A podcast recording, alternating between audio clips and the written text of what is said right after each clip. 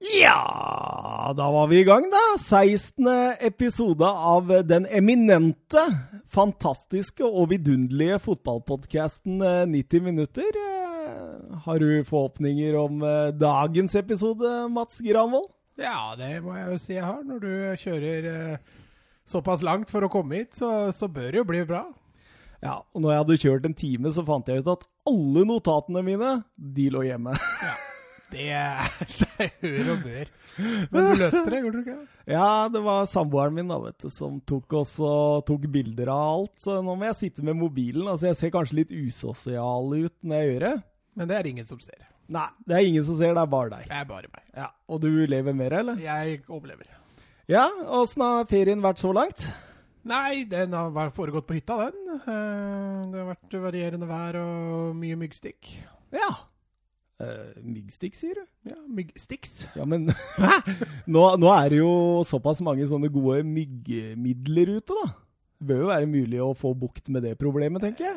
Nei, det er for mye Jo, vet du hva? vet du hva? Jeg, jeg, jeg ferierer jo nå hjemme hos uh, mamma og pappa. Mm. Uh, I vakre, naturskjønne omgivelser på Rjukan. Mm. Og hun satte ut en sånn gassbeholder. Ja, ja, ja. Den var fin, da! Men den, funker, den er fin på sånn tre-fire meter. Hvis du er innafor der, så er den jo fin. Men, men når du Få gå med den i lomma, da! Nei, men det er å fisker og sånn. Da, da bruker jeg den. Da har jeg den på innsida av jakkelomma. Eh, da er den fantastisk effektiv. Men eh, sånne, sånne patroner koster jo fletta, vet du. Ja, det koster mye, ja. Ja. Ja, ja. Eh, og så klarte jeg å få med meg fireåringen min opp på Gaustatoppen her. Hun gikk hele veien sjøl. 1883 meter. ja, Rett opp. det var ikke gærent. Det er moro. Det er ikke Kanskje vi skal ta med på gallopingen en tur snart, da? Ja, jeg tror jeg er klar for det. Hun er sprekere enn meg. Ja. For du kom ikke opp. Jo da, jeg gjorde det. Jeg løp til og med og henta bilen litt seinere, så det var Oi. Ja. Ehm, ja, skal vi nevne litt eh, sentralpub, eller? Ja, som always. Mm, god, god ball og god God skjerm og god pils. Ja, og nå har de jo lansert, som jeg, vi snakka om, fantasyen. Ja, den har du lansert på Twitter og på Ja, ja, ja. ja.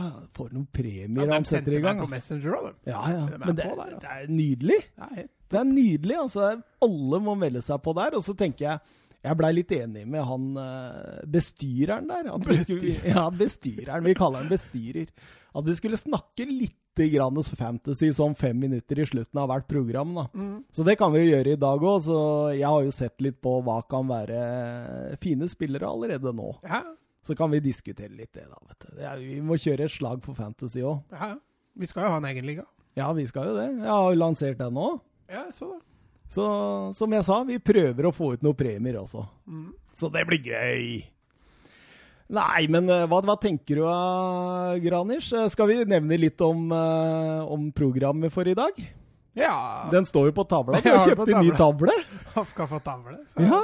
Nei, det blir intro, som vi er snart ferdig med nå. ja. Og så er det Brasil-Peru, og så er det jo runden, eller rundens, det blir årets lag i Copaen. ja. Og så blir det litt Atletico og Liverpool. eh. Åh, det høres ut som en nydelig Også litt fancy på slutten. Ja, altså fancy, men det har ikke du ført opp, så det er, Nei. eh, det er eh, Nei, vi tar det litt på sparkers denne Ja, gangen, og så skal vi, så skal vi uh, være litt bedre forberedt de neste gangene. eh, Ja. 16. episode, altså. Siste episode før vi tar en velfortjent og lengre sommerpause. Ikke lenger, vel. Nei, det blir kanskje et par uker? Par-tre uker? Ja. Ja. Det, det ser vi an. Vi må, Eh, vi må være tilbake i hvert fall en uke eller to før PL begynner. ja, følg oss på Twitter og sånt, så vil man eh, skjønne når vi er i gang igjen. Yeah. Vi kjører, vi. Vi kjører. Kjør på. Woho!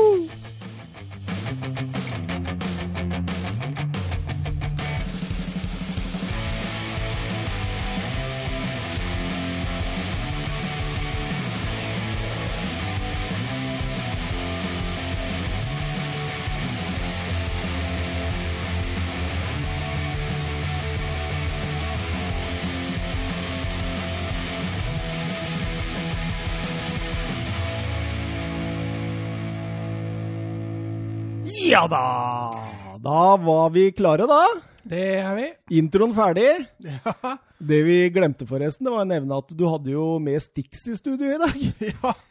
Vi eh, måtte jo hedre det jeg sa sist, med at du skulle få Stix klart. Men det var ikke så lett å finne. ass. Det er ikke noe, jeg tror ikke det er sånn super, eh, superpopulært. ass. Nei, og det skjønner jeg jo egentlig òg, da. Fordi det var ikke sånn voldsomt godt. Nei, det er mulig. Jeg vet ikke om Jørgen har smakt det. Jeg tror han har smakt noe på, på de sticksa. Nei, da kan umulig ha gjort det. Jeg tror det er et image. jeg. Ja, det er jo lys knekkebrød med Nutella på, rett og slett. Ja. Men eh, kanskje vi skal knaske litt underveis i sendinga? Jeg kan fort bli det. skal vi rett og slett eh, gå over til eh, rundens kamp, rett og slett? Finalen Copa America. Ja. Brasil mot Peru. Mm. Eh, de laga hadde jo møtt hverandre i gruppespillet, da. ja. Husker du hvordan det gikk? I gruppespillet, ja. Ja. Ja, Brasil vant 5-0. Ganske overlegent òg. Ja, utover i matchen så ble det jo Litt keepertabber var i den kampen, og litt sånn forskjellig. Ja, det var eh, Nei, det var jo altså Peru de, gikk ut opp i liminga, rett og slett. Men eh, de sammenligna jo fra VM for par, en del år tilbake, når, eh, når Ungarn slo Vest-Tyskland eh, 8-3 i gruppespillet. Og så Mhm. slo uh, Tyskland tilbake igjen og vant 3-2 i finalen. Så de hadde jo brukt den litt i oppkjøringa der, da. Ja, tyskere vinner alltid, vet du. Ja, da. Utenom i U21. eh, og Brasil, da. De hadde jo ikke sluppet inn mål i hele turneringa. Ja. Hvis du ser bort fra straffesparkkonkurransen, da. Ja.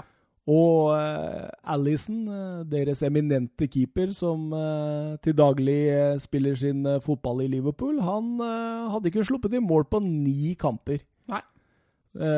Inkludert også klubbkamper for Liverpool. Ja. Enormt imponerende. Ni kamper uten baklengst. På det øverste nivået. Ja, altså aller øverste. Da snakker vi om Champions League-finaler og diverse. Ja, nei, han er eh, Ja, han fikk vel også Golden Glove i eh, Premier League, gjorde han ikke det? Ja, og han gjorde Færrest det. innslupne. Ja, fantastisk keeper, vet du. Så eh, Men det er jo ikke det, det er, Akkurat der skal jo ikke bare han ha skyld. Han hadde jo et par gode forsvarsspillere foran seg, men, men han fortsetter jo for Brasil. da. Ett mål baklengs på, på seks kamper, det, Ja. det lar høre på seg. Det er til og med til å være kåpa. Og ingen i åpent spill. Men det kommer vi litt tilbake til. Ehm, de siste fem oppgjørene lagene imellom hadde endt med fire brasilianske seire og ett i Peru. Det var vel en eh, Copa-gruppespill for en par, tre, fire år siden, tror jeg. Eh, Ja, da må det ha vært for eh, tre år siden i så fall. Ja, Det må det jo 2016, ja, det stemmer. Copa i 16 og Ja. Copa i 15. Ja, Peru vant eh, 1-0, tror jeg, i eh, 2016. Gruppespillet. Eh, Brasil ut i en eh, etter hvert veldig velkjent eh, 4-2-3-1. Med, ja. Ja. med Firmino på topp, eh, Jesus, eh, Coutinho og Everton bak. Mm. Ja, du prøver å spytte ut snusen din der? Så lett å prate da. Jeg tok det under introen, jeg Ja. vet du. Under musikken. Det. Og eh, Peru ut i samme formasjon med eh, ikonet Guerro på topp. Ja. Han eh, begynner å dra på åra, men er fortsatt still going strong, kan man si. ja, han har jo hatt et bra mesterskap. Han havna jo Ja. på like mange mål som det Everton havna til slutt også. Ble vel Everton toppskårer pga. færrest minutter, men, men Ja. et godt mesterskap fra Guerrero. Gamle, gamle Bayern München-spissen. Mm. Det er artig. Eh, Brasil eh, kunne ta sin niende tittel hvis de eh, vant denne kampen. Åtte fra før av. Og Peru kunne ta sin tredje. Det var ikke så mange som trodde, i hvert fall ikke i forhold til vår Instagram-poll. var jo 100 Brasil der. Ja, så var det vel hele sju, eller nei, ikke det engang. Jeg tror det var fem jeg som stemte. Ja, ja. Men hva tenkte du? Hadde du ja, fem av de 14? Det er jo ganske bra uttelling, det. Hva mener du, fem av de 14? Vi Følgere på Instagram. Ja. Oi. Det er mange som, har, eh, mange som var inne og stemte der. Ja. Men eh, nei, altså, jeg hadde jo Brasil som eh, soleklare favoritter. Jeg hadde vel hatt det hele mesterskapet. Jeg nevnte vel Brasil som den største favoritten før mesterskapet. og Ja, og du, du skulle hanke inn hat tricket ditt nå i forhold til det spørsmålet vi fikk her. ja, ja stemmer det. Hadde vi fikk et lyttespørsmål for et par uker siden hvem som vant eh, kvinne-VM og U21, og hvem vi trodde vant kvinne-VM, Ja. U21 og Copaen. Og når Brasil vant der, så hadde jeg tre av tre, gitt. Det er ikke gærent. jeg hadde tre av tre bom. Du hadde jo Norge da på U21. Nei, Ja, og så hadde jeg vel Tyskland i U21. De kom til finalen. Ja, Og så hadde jeg Colombia her. Ja. De røyk jo så det sang. Var, det det var straffespark, det. ja, mot uh, Chile. Chile, ja. Jeg tror det. Det var en av disse tre av fire 0-0-kamper i kvarten. Ja. Eh, kampen eh, blei sparket i gang, og eh, jeg syns det starta slow de første minutta. Altså, Peru tok initiativet, syns jeg. Eh, De var flinke til å holde ball i laget de første ti minutta. De, de skapte jo ikke all verden, det gjorde jo ikke Brasil heller. Det, Peru hadde vel to langskudd helt i starten av Helt i starten av matchen, men eh, etter hvert som Peru eh, Etter hvert som, eh, etter hvert som kampen sklei fram, så tok jo Brasil mer og mer over. Det var en stiks der, altså. Mm. De kjørte på etter hvert og begynte å få initiativ. Du så veldig Altså Det jeg la veldig merke til, det var at de skulle sette opp Everton og Jesus én mot én hele tida. På kant, ja. Ja, det var om å gjøre å så spille én mot én mot kant. Og eh, rett og slett utfordre Beck uten sikring. Det var jo det de håpa på. Mm. Og eh, det, du kan jo si de lykkes, da. Ja, altså Når du ser skåringa, så er det jo for så vidt riktig. Men jeg, jeg syns Peru lå veldig bra defensivt eh, egentlig hele kampen. Mhm. De lå ganske tett i midten, så det var jo fornuftig av Tiche å, å prøve å br- brodere seg på, gjennom på kanten. Eh, nå kommer vi sikkert til skåringa etter hvert, så kan du ta igjennom hva som skjedde gærent der. Men, eh, men eh, før skåringa så hadde jo ikke Brasil skapt all verden heller. Nei, men eh, så kommer jo denne crosseren mot eh, Jesus, da. Og selv om Han får jo ikke satt den opp én mot én, det er jo faktisk én mot to, for de har jo sikring der òg. Men han eh, Jesus han får dratt seg rundt på kanten og lagt inn et strålende innlegg. Ja. Og der kommer, eh, ja, skal vi si, eh, kometen for årets Copa. Everton. Ja, det gjorde i hvert fall savna Neymar minimalt. Uh, han hadde et strålende mesterskap. Ja, egentlig. han var strålende, altså. Han var strålende spiller altså, til daglig sånn- Gremio. Ja, så var det litt sånn lykke i ulykke for Brasil, for Richarlison var vel tiltenkt å spille der. eh, og så fikk han Kusma, så da var jo veien åpen for, for Everton. Og han uh, kasta ikke bort den sjansen, han. Nei, sånn sett, altså trevalget, da, som liksom kom inn og ble turneringens store spiller, det er litt artig. Ja, det var litt, eh, det var litt spenstig. Nei, men, men på det innlegget der, altså du ser Peru, da, de ønsker jo å være i overtall. Eh, og når, når, når eh, Coutinho kommer inn i feltet sammen med Firmino når innlegget skal slås, så ser du høyrebekken til Peru trekker inn Ja. for å skape det overtallet i midten. Og da blir jo Everton kommer han, Når han i tillegg da kommer seint inn i boksen på bakerste, så kommer han inn helt aleine. Så der gjør jo Peru en, eh, en to, egentlig to grove feil. Det ene er at bekken blir altfor sentrert. eh, Og det andre er at kans, motsatt kantspiller for Peru følger jo ikke løpet til Everton inn. Nei, Og da blir, det, da blir det lett. Ja, det var, det var jo omtrent å Altså, jeg hadde skåret der. Ja, det Ja, ja. Jo da, jeg hadde skåret der. Det var ganske hardt innlegg, og så skrudde det veldig. Ja, men jeg hadde treffet. Da treffer ballen. Ja, Ja. det kan godt hende. Nei, men det var jo for så vidt, da. I forhold til nivå, en ganske enkel avslutning for Everton der. Kontrollert. Eh, ja, og da tok jo Brasil initiativet. 1-0. Maracana stadion var jo i 190, og det så ut til at eh, dette Maracana-spøkelset skulle ta slutt. Ja, altså, De hadde jo ikke tapt der siden de tapte mot Tyskland, da. Ja, men de har jo tapt ganske vesentlige oppgjør der, da. Ja, de taper, har tapt én viktig kamp der. Eh, hvis du spør en brasilianer, så har ikke han veldig lyst til å spille kampene deres der. Nei, ok. Jeg har aldri spurt en brasilianer. har du ikke det? Da spør en brasilianer neste gang. Eh, 23 minutter eh, sjanse til Brasil. Firmino ut på venstre, spiller inn. Coutinho møter og får et eh, touch rett utenfor mål. Sånn, altså Firmino Den bruker også venstrekanten der også. Venstre og høyre hele veien. Firmino, og det er plassskifter og det er plassbytter hele tida. Ja, men altså Peru altså den, Med tanke på at Peru lå så lavt, så, så spiller jo Brasil egentlig vel, ganske fornuftig. Um, De spiller nydelig. De spiller uten bakromstrussel i det hele tatt. Og det er ikke noe poeng heller, for Peru ligger så lavt. Mm. Uh, så når Firmino dropper inn, skaper overtall i sentralt, han skaper overtall på den kanten, uh, så er det egentlig en veldig fornuftig måte for Brasil å angripe på. Ja, ikke sant? Og det var jo, det var jo en close sjanse der for uh, Coutinho der, da. Han Ja, er altså- rett utafor. Når kombinasjonsspillet sitter, så er det jo nydelig å se på. Synd de ikke scorer på sånne. Ja, det er det, altså. Og jeg syns jo liksom på en måte Det, det som kjennetegna Brasil offensivt, da, det var jo det, de plassbyttene og de uh, og bruke bredden, bruke kantene, utfordre én mot én og skifte posisjoner hele tida. Du så spesielt Jesus og Firmino bytta jo hele tida. Det Ja. var veldig artig å se på, faktisk. Altså, Everton var litt mer sånn fast venstre, selv om han også kom ofte inn. Ja, jeg, men jeg syns Everton sleit litt mer på venstresida. Uh, Ja, i starten, ja. Advincola på høyrebekken til, eh, til, til Peru hadde en synes jeg hadde en fenomenal kamp helt til uh, Kunne blitt utvist på slutten. Ja, helt til slutten der, hvor han ble veldig heit i toppen. Men, eh, men eh, du så også de gangene hvor, hvor Everton fikk rettvendt seg brukt fart, så var Advincola han var i nærheten han hele Ja, tida. han Han ga seg fader ikke. Altså, så han, Everton sleit når han skulle eh, komme seg rundt på kanten. Så sleit Mm. han. Men etter hvert så så du Everton begynte å trekke inn i midten. Ja. eh, Foran backleder istedenfor inn bak. Og det, det fungerte helt klart bedre for, for Everton. Det.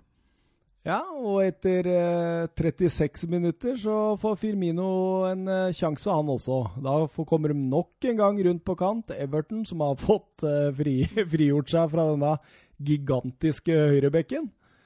Og eh, smeller inn et innlegg som eh, Firmino vinner hodeduellen på mot eh, en ellers veldig god Trauco. Han Ja. venstrebekken til Peru. Han, han er imponert i, i mesterskapet. Ja, han har vært bra. Eh, men du så også eh, Der også så skaper eh, Skaper Brasil det lille overtallet i starten med å bytte mm. to mann inn i boks. Ja. Motsatt Beck kommer inn. og det er jo det som gjør at Firmino får den lille hindringa som gjør at han ikke får den headinga på mål. Men hadde det vært samme som sist, der, hvor det motsatt kant kommer inn, typ Gabriel Jesus eller Coutinho, så, så kunne de kanskje ha skapt litt samme type scoring som den de gjorde på 1-0.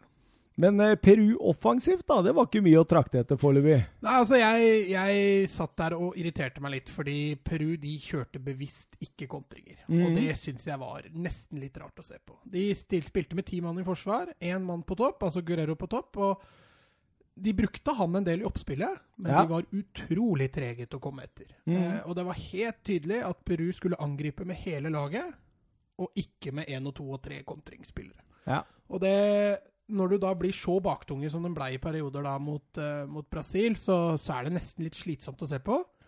Men så så du også de få gangene da, hvor Peru faktisk greide å spille opp laget. Så er det jo ganske pent å se på. De, de har litt kombinasjonsspill. De bruker riktignok litt tid på å få laget fram.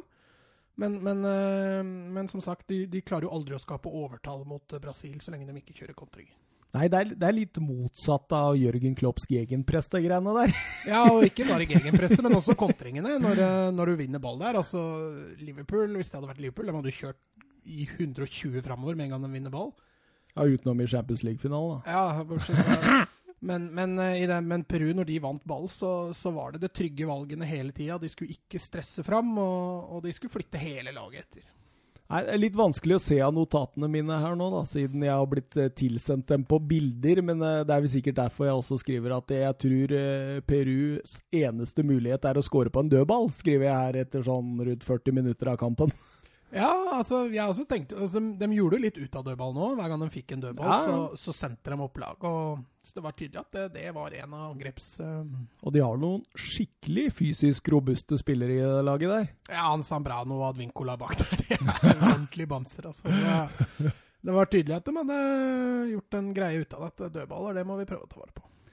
Men eh, så får de da en straffespark, da.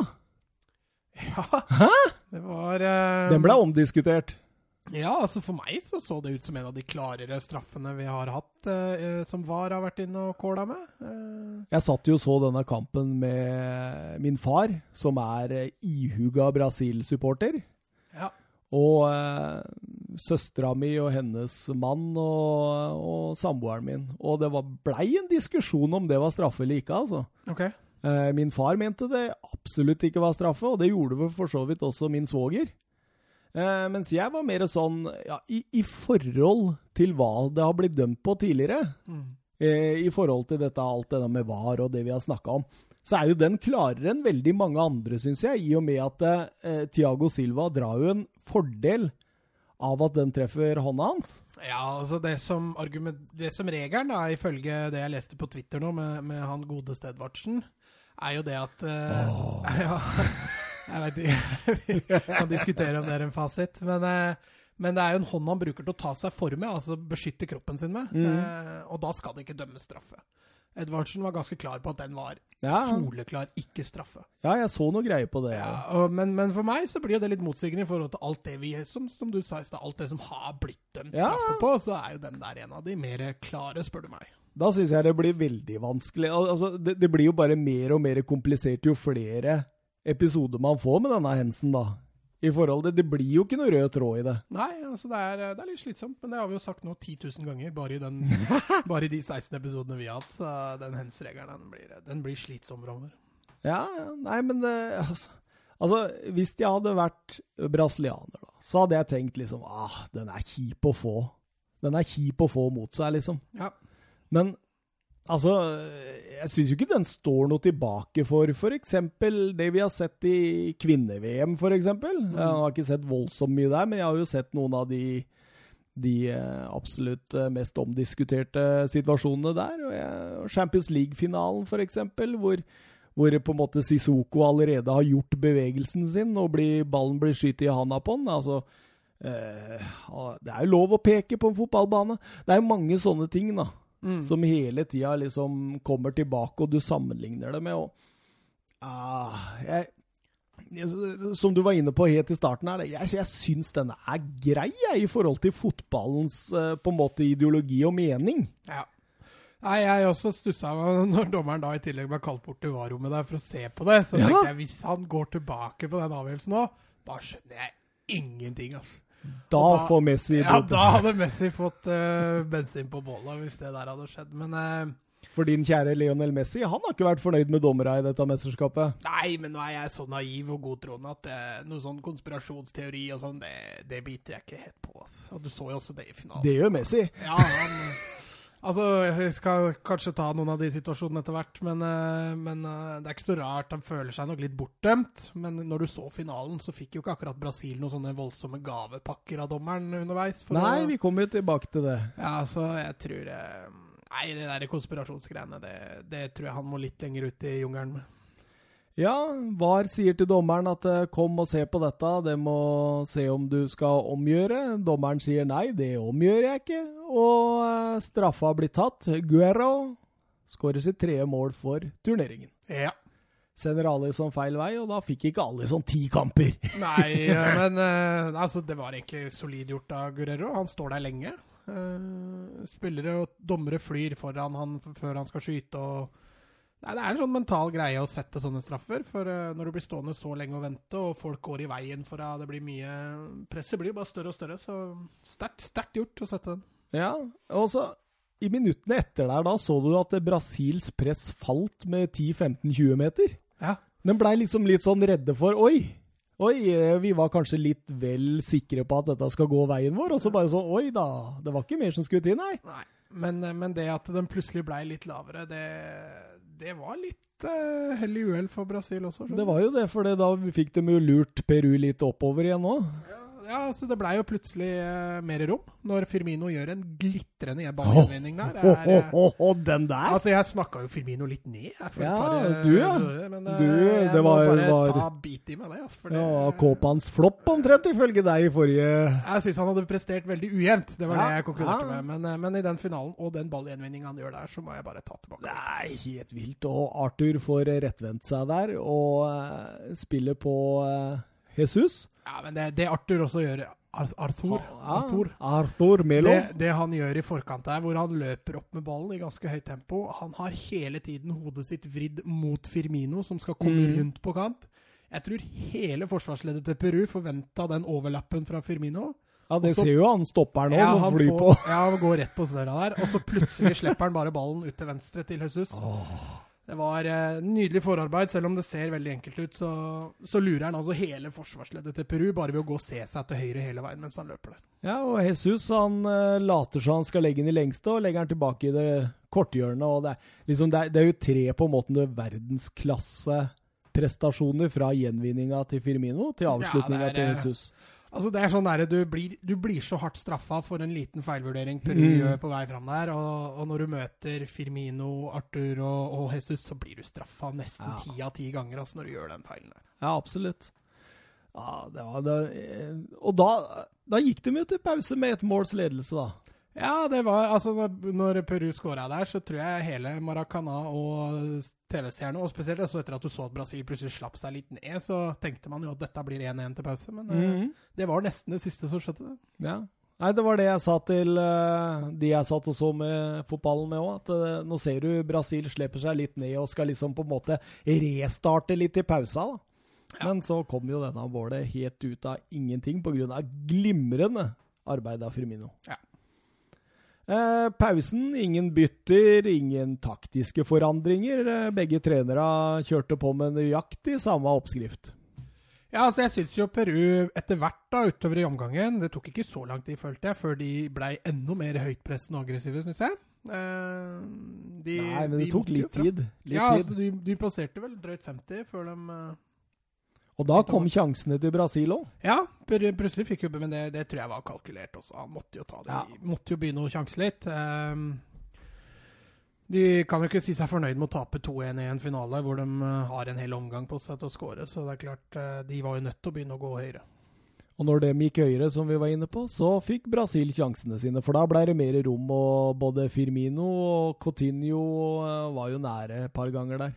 Altså Coutinho synes jeg andre omgangen til Coutinho var nesten litt slitsom å se på. Eh, hvor mange ganger han trekker seg inn fra venstre der, hvor, eh, hvor Gabriel Jesus er helt på blank eh, hvis han bare slipper den videre. Ja. Og han går for skudd tre ganger, og alle tre gangene så går skuddet i Mm. blokka. Så eh, jeg tror nesten det var ja, litt derfor også Jesus var litt irritert, fordi han fikk jo fader ikke Ja, det var et par ganger jeg sa det der, jeg òg. At slipp den videre, da! Slipp den videre, liksom! Hvorfor jeg han, eh, han skulle ha kremruset sitt i Kåpa-finalen, så han var var litt ikke så langt unna med det skuddet utafor krysset der heller. Nei, men det var, var ikke en av de jeg tenkte på heller, faktisk. Nei. Det var en av de hvor han trakk seg inn Ja. fra venstre. Hvor jeg, han ble blokka, ja. Men eh, Brasil de pressa jo for 3-1 der etter hvert, og Peru, selv om de flytta laget sitt høyere opp, så var det jo veldig sjelden de kom til noen farligheter. Nei, men igjen så er det det med Peru at de skulle angripe med hele laget. Eh, de skulle flytte hele laget sitt inn på Brasils banehalvdel før de begynte å, å kjøre tempo og prøve å sette opp noen kombinasjoner. Men, men altså når du angriper da mot elleve mann istedenfor å kunne prøve å angripe mot tre-fire, da, så må du jo mye mer C-momenter, og du må ha litt det lille ekstra for å greie å komme deg gjennom. Det var nesten et par ganger der, men eh, nei, jeg syns det var litt merkelig at de ville angripe på den måten hver Men gang. så fikk de faktisk angripe mot ti mann, plutselig. Ja, igjen, altså. Jeg vet ikke helt om vi skal Vi kommer sikkert til å diskutere det gule kortet nå, siden du skal innom det. Ja, vi må jo innom det, for Gabriel Jesus, som hadde vært kampens klart beste spiller i løpet av de første 69 minuttene, får sitt eh, andre gule kort og blir sendt i dusjen til eh, Ja, han var knust, altså. Ja. Men eh, jeg forstår jo frustrasjonen. Altså, det er jo en liten hevnaksjon der òg. Ja, men han går bare hardt inn. Han Ja. gjør jo ikke noe ureglementert sånn sett. Nei, nei, men altså, nå der først sender, eh, sender Jesus langt utover sidelinja i en Altså, det er litt sånn ufin skuldertakling, fordi Ja. Jesus er feil Altså, han er vendt med brystkassa mot forsvarsspilleren. Mm. Og når du da går inn så veldig hardt i brystkassa, så du har ikke sjans, vet du. Du, Nei, du er ute av balanse med en gang, og du blir bare kasta rundt der, og det er klart det gjør vondt. Eh, Så han var nok ute etter å ta en liten hevn der, men eh, jeg er enig med deg. Jeg syns det var veldig strengt med gult kort der. Altså. Og det var jo bare minuttet etter, dette Ja, ja. sånt, ikke sant? Og det er klart det at dommeren hadde jo Han tenkte jo på den situasjonen, Ja. og her kan det komme noe, ikke sant? Og så kunne det kanskje se ut fra dommerens vinkel at det var en liten albue oppi der òg, en liten sånn spiss albue. Men det var det jo ikke! Nei, han løfter jo bare albuen der når han hopper, og Men eh, nei, han, så du ser jo der også, altså, han, han går jo etter ballen, men han tar i litt ekstra fordi han Mm. skulle ta en liten hevn. Ja. Eh, men det, altså Nei, det var Men kan vi konkludere med at det er feil? det gule, Altså, Ja. Ja, jeg, jeg, jeg syns jo det er feil. Ja. Eh, og når, du, når en spiller i tillegg har gult kort fra før, så skal dommeren være sikker på at det gule kortet han gir Ja, ut, han, det skal være gult kort. Altså. ja, ja. Du kan ikke begynne å dele ut sånne halvveis gule kort når en spiller har gult kort fra før. Eh, så litt i overkant ivrig var dommeren der. Men burde ikke VAR kommet inn og sagt til dommeren 'se den igjen'? Jo, men jeg veit ikke åssen blir det der. For jeg tenkte også akkurat ja, det samme altså- når Messi ble utvist, Ja. i, og, og Medel for så vidt ble utvist i bronsefinalen. Fordi når du ser i prisen her, altså det er jo helt natta å gi rødt kort på det. Ja. Men så blir de jo sendt i garderoben. Men er ikke det en potensiell Altså, eh, VAR, skal ikke de gå inn og ta matchavgjørende feil, eller clear errors, som de kaller det? Jo. Og det der, der er jo en, kan jo bli en matchavgjørende situasjon, og det er jo en clear error. Ja. Så jeg, jeg fatter ikke Jeg kommer aldri til å forstå meg på VAR, jeg. Nei, altså de hadde jo mulighet til å rette opp den Ja, nå kommer vi sikkert til den straffa på treet nå, da. Men, Ja. eh, men altså, nei, jeg veit ikke hvorfor de ikke går inn og, og retter opp. De har sikkert noen forskrifter de skal følge som vi ikke har lest oss opp på. Ja. Og eh, når eh, Jesus går gråtende av banen der med gestikuleringer om at dette er kjøpt og betalt, Ja. Og sitter i trappa og Han gikk jo ikke gråtende av banen, da. han begynte vel ikke å grine før hun filma han i trappa inne på stadion. Han var men, eh, knust, altså. Men han skulle jo være liksom Brasils redningsmann nummer ni, han som skulle ta dette hjem. Han skulle, han har, de har i flere år snakka om at han skal ta over som den liksom store angrepsbossen i Brasil. da. Ja, ja. Og nå endelig hadde han fått det mesterskapet, og så ryker det sånn i finalen. Ja, Han Åh. sleit jo litt i gruppespillet, men, men det er klart skåringa han hadde mot Argentina, og den kampen han hadde i finalen, var, eh, var store steg på rett vei for hans del. Så det, det er klart det røde kortet der føles utrolig bittert for han. Det kan jeg bare forestille meg. Ja, og da får Peru litt blod på tann. Da sender de opp spillere, da. Da bytter de i øst og vest og Ja.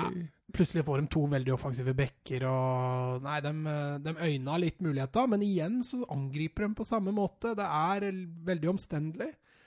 Eh, Det er ikke noe prøve å skape overtall her eller der. Er, eh, de skal liksom prøve å tråkle seg gjennom kombinasjonsspill og, og sånne ting. Og, Og Teacher han bytter defensivt.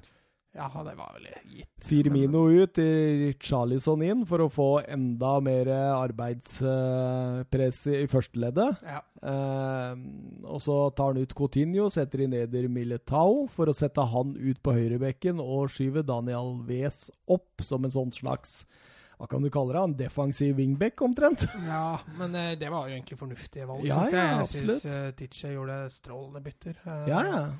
Og det var vel også den treneren I tillegg til at han har det beste mannskapet, så var han også den treneren som gjorde de taktisk beste vurderingene underveis i mesterskapet. Så Nei, han imponerte igjen, uh, Han, eh, han, eh, Peru skapte jo ikke all verden. Nei, det var jo den, eh, det skuddet fra skrått fra Trauco der, da, som Alison må gi til et hjørnespark. Ja. Men det var litt det, da. Når Peru først endelig brøyt gjennom, så ble det så skrått og så Mm. dårlig vinkel. Så all honnør til Brasil her. Og så var det Flores da som hadde et skudd fra en 20 meter i Etter en dødball. Ja, Ja. etter en påfølgende dødball, faktisk. Påfølgende Ja, corner. Eh, men eh, det blei jo ikke så voldsomt mye ut av det. Jeg syns også Militao fiksa den høyrebekk-rollen fint. Ja, altså som, som eh, kommentatoren Veland var inne på der, så har han jo spilt litt høyrebekk i Porto, men han har spilt mest stopper. Så at han kunne håndtere en sånn rolle, det er igjen altså fornuftig bytte av Titche, som, eh, som Mm. tenkte at en stoppertype på høyrebekk nå er, eh, er Ja, For å sette inn Daniel Wes på Ja. høyresida der, for å få enda mer defensivt trygg. Mm. Fordi han jeg, jeg tror han gjorde det fordi han eh, venstrebekken der, han Trauco, han var en av de som kanskje var best offensivt i det Peru-laget. Mm. Han, var, han har faktisk imponert meg gjennom hele mesterskapet, som sagt. Syns han var bra. Mm. Jeg veit ikke hvor han spiller og sånt, men det kan jo være en uh, mulig venstrebekk-løsning for f.eks. Liverpool. da. Kanskje de kan hente han som en backup for Robertson. Ja, for eksempel. Eh, 87 minutter. han spiller i Flamingo, da. Ja, da bør det gå an å hente noe for en grei penge.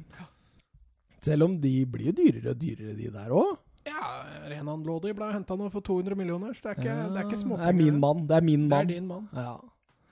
Eh, 87 minutter der, da kommer jo etter Altså Peru, som jeg vi sa, det blir jo ikke noe ut av det. Og, og eh, Brasil eh, kommer igjennom der. Everton.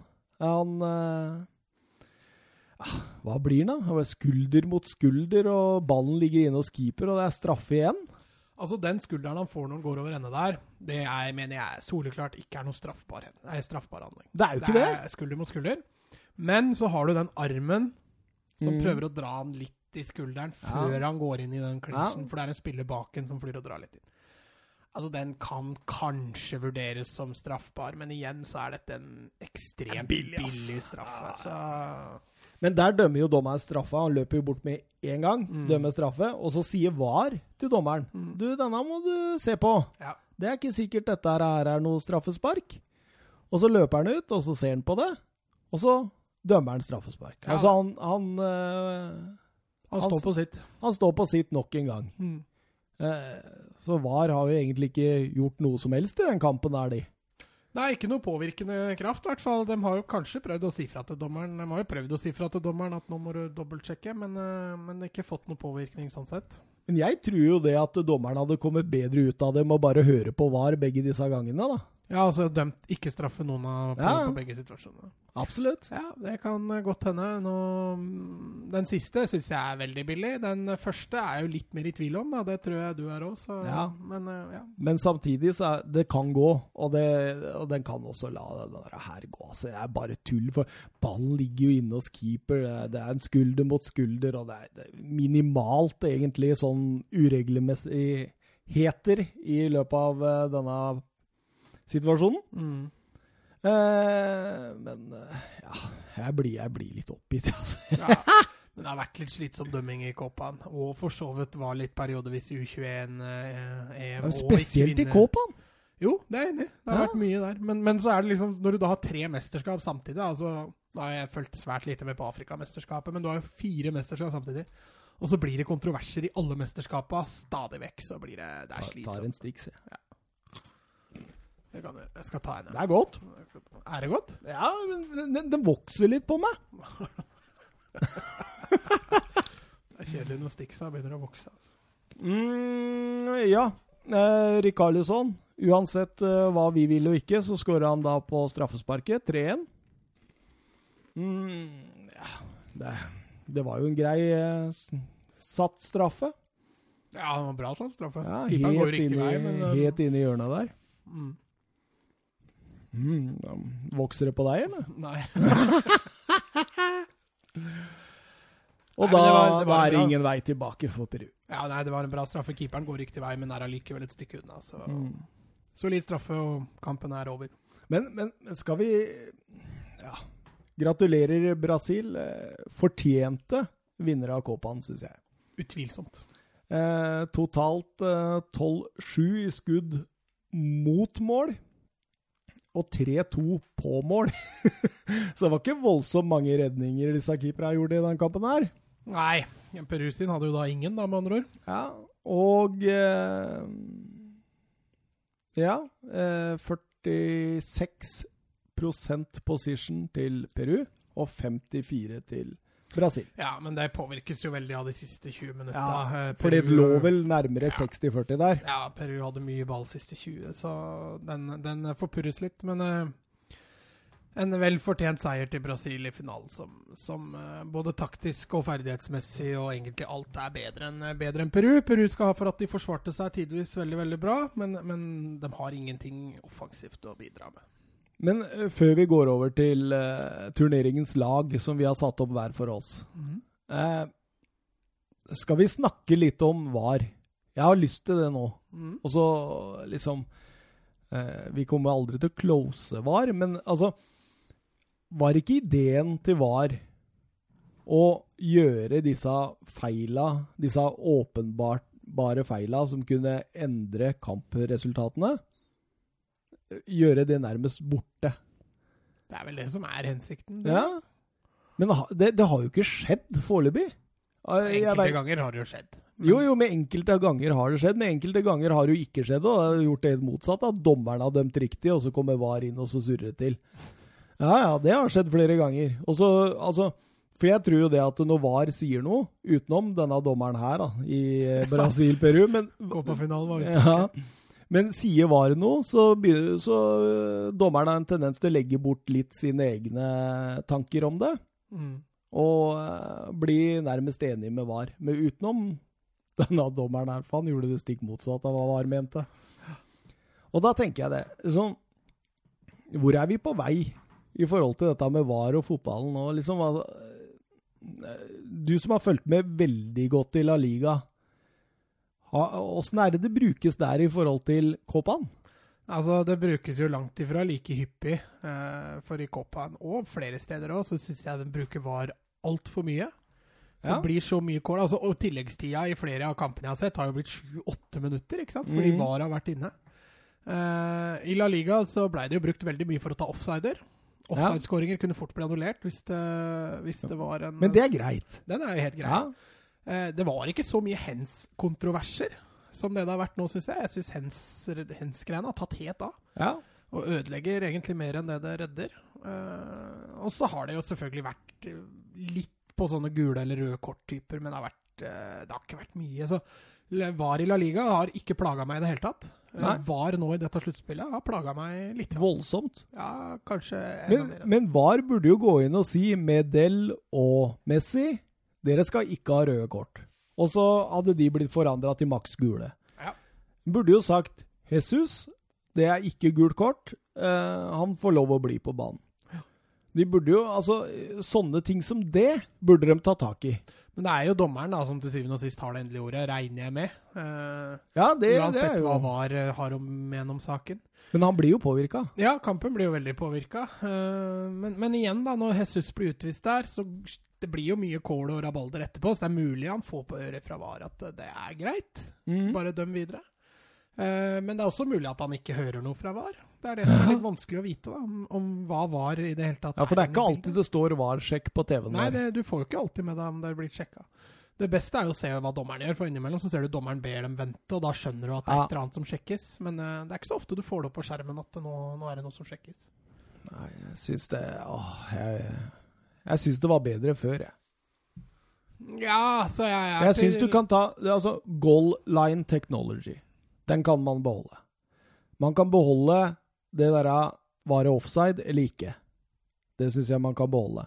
Og så kan man ta sånne matchavgjørende situasjoner, kun matchavgjørende situasjoner, og ingenting annet. Det vil si Altså, blås i all det der hens-tullet. men, men det er jo matchavgjørende situasjoner. Ja, men bare slett det, og så sier du at det hens skal være viljehens, eller at du om nærmest redder på streken. Og så ferdig med det. Ja, men nå er det, det er jo nye hens-regler inne. Ja, ja, men jeg hater Skal du slette dem igjen, da? Ja, slett dem.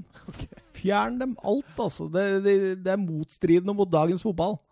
Mm. Bare gir opp, rett og slett. Åh, jeg blir Nei. Nei, men altså, jeg syns sånn som VAR har vært praktisert da, i, i La Liga, og sikkert sånn vi kommer til å oppleve det i Premier League nå også altså, ja at, uh, Hvor du ikke skal merke så mye til dem, da. Hvor de kun er inne og kontrollerer. Uh, så er det greit, syns jeg. Ja, For Du ser jo for eksempel, da, nå, nå følger jo jeg litt med du også gjør for så vidt det, med Eliteserien. Og det har jo vært noen episoder der hvor man har tenkt at fader, vi skulle faktisk hatt VAR, ass. Tenker du på den utvisninga Lillestrøm fikk mot Viking, eller? Blant annet. Hvor han dommeren står i ettertid og forteller hele Norge at du, jeg kan ikke fotball, jeg. For jeg forsvarer den handlinga der. Ja, men se her, da. Nei, nei, nei, det der her er helt korrekt bedømmelse. Altså, ja, nei, du må jo forsvare fotballen fra sånne òg. Ja. Men, men ja, nei, altså sånn Så lenge VAR ikke blir for inntredende i kamper, så, så syns jeg, det- jeg det er helt greit. Ja, Altså, litt mindre VAR-avgjørelser, og så finne de rette tidspunkta å ta de på. Ja, for Ja. eksempel. Da. Og ikke sånn som det blei i Kåpan, da, hvor det var plutselig enkelte kamper hvor VAR var inne og, og bestemte at nei, sånn og sånn og sånn må du ha det. Og i andre kamper så, så merka du ikke til noe til VAR, mens da de samme, nesten de samme situasjonene oppsto. Så det blir liksom ikke noe særlig rød tråd i det. Så hvis du bare hadde fått tak i en rød tråd, Ja, og holdt den der, ja det er det du må. så tror jeg selv om du kanskje er uenig i noen av situasjonene, så, så veit du i hvert fall at ja, men Det er da, en er likt begge veier. da. Ja. Så hadde de bare klart å få til det, så, så tror jeg det hadde blitt uh, mye bedre. Uff a meg. Skal vi ta turneringens lag? Eh, ja. Å, det blir faktisk ganske spennende. Nei, Jeg tror ikke det blir så jevnt også som vi hadde sist. Nei, nå- nå U21 var jo helt vilt. Men der var det så mange spillere som utmerka seg så klart og tydelig. Her er det ikke vært så mye spillere som har utmerka seg. Så Nei, helt enig. Det kan bli to vidt forskjellige lag, dette her, men det er veldig gøy. Mm. Skal vi begynne med keeper? Eh, As always. Ja, der uh, har du Alison. Ja, det har jeg. Ja. Men eh, et slupp, innsluppet mål i løpet av turneringen, det var på et straffespark. Eh, ellers eh, clean sheet. Tryggheten sjøl, god med beina. Det ser ut som styrer det forsvarsleddet bra. Altså, jeg har Altså Og så har jeg ikke reservekeeper, for jeg fant ingen. Jeg syns keeperspillet i dette mesterskapet har vært skikkelig dårlig. Jeg har en reservekeeper, jeg, da. Men eh, Ja. jeg har seks Brasil-spillere, uh, så det er jo I, på, på Nei, jeg har fire på banen og to på benken, men uh, Ja, for jeg har sier seks på laget, jeg Å oh, ja, såpass, ja. Ja. Mm. Ja, høyrebekk, der har jeg Alves. Det har jeg òg. Mm, han var vel egentlig den beste høyrebekken gjennom hele mesterskapet. Ja, eh, en av turneringens beste spillere, spør du meg. Ja, så du hadde jo Ja, eh, det er jeg helt enig i. Mm. Men, men det var en av plassene hvor det var litt rift om det. Jeg syns Foyt hadde et godt mesterskap, og, og han du nevnte for um, Og Ja. han i finalen for Peru der.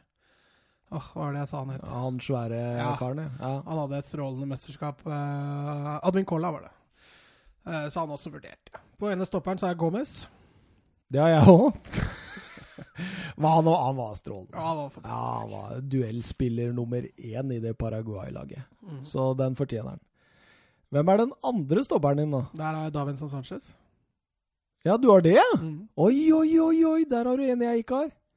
Jeg syns Davinson Sanchez var veldig god. Uh, Jeg, synes også, jeg sleit litt med stopperen. Brasil hadde for så vidt to meget gode stoppere, men ingen av de som utprega seg sånn veldig. Og det har jo med at de spiller på et lag som, som ofte er soleklart mye bedre enn motstanderen. Så Ja. de slipper å være så veldig defensivt uh, med i spillet. Nei, jeg har faktisk Markinius. Mm. Syns han uh, sto bra opp og var uh, var god for det brasilianske laget. Altså, Du kan tenke deg, De har bare sluppet inn ett mål, Ja. ett straffespark, i løpet av hele turneringen. Og da, da tenkte jeg at vet du hva, jeg må i hvert fall ha med meg en to fra det backleddet der. Vi får se hvem jeg har på benken. Venstrebekka?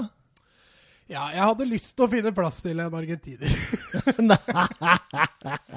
Så jeg satte Messi da. Nei da. Eh, jeg har Tagliafico på venstrebekken. Han var Du kanskje- har det, ja? var kanskje den eneste argentineren som jeg tenkte at jeg har hatt et decent mesterskap. Pluss at det var en plass hvor det ikke var så veldig mye rift. Altså Jeg hadde Tesio fra, fra Colombia der, blant annet, som var inne og, og lukta litt på den plassen. Brasil har jo rullert mellom Filipe Ja. Luis og Alexandro.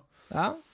Nei, Så jeg endte opp med Tagliafico på, på venstre. Jeg har bare én argentiner, men han er på benken, faktisk. Mm. Så det Jeg eh, kjørte jo Miguel Trauco, jeg, da, på Peru. Jeg syns Ja, han var eh, Ja, jeg syns han Du var snakka han veldig opp under Ja. finalen der.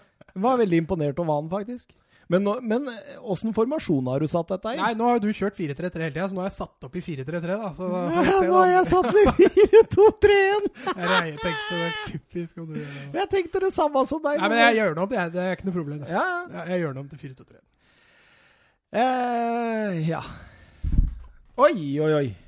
Der røyk mikrofonen min. Oh, sorry. Det er godt det er ferie snart. Eh, nei, den to av de dype, da, så har jeg regnet, tror jeg faktisk vi er enige. Eh, Barrios Der er vi enige. og Arthur Melo. Der har jeg uh, Erik Pulgar på uh, Chile. Chile. Nei, jeg syns Arthur han var, fikk jo hvile første matchen, men uh, spilte resten, og, og den finalen han gjør, så den assisten han har blant annet han, har Jeg syns han bare var god i finalen, jeg får være helt ærlig med deg. Men han skulle fått en soleklar straffe mot seg mot Argentina, men uh, jeg syns han var solid. ja, det er lov å mene det.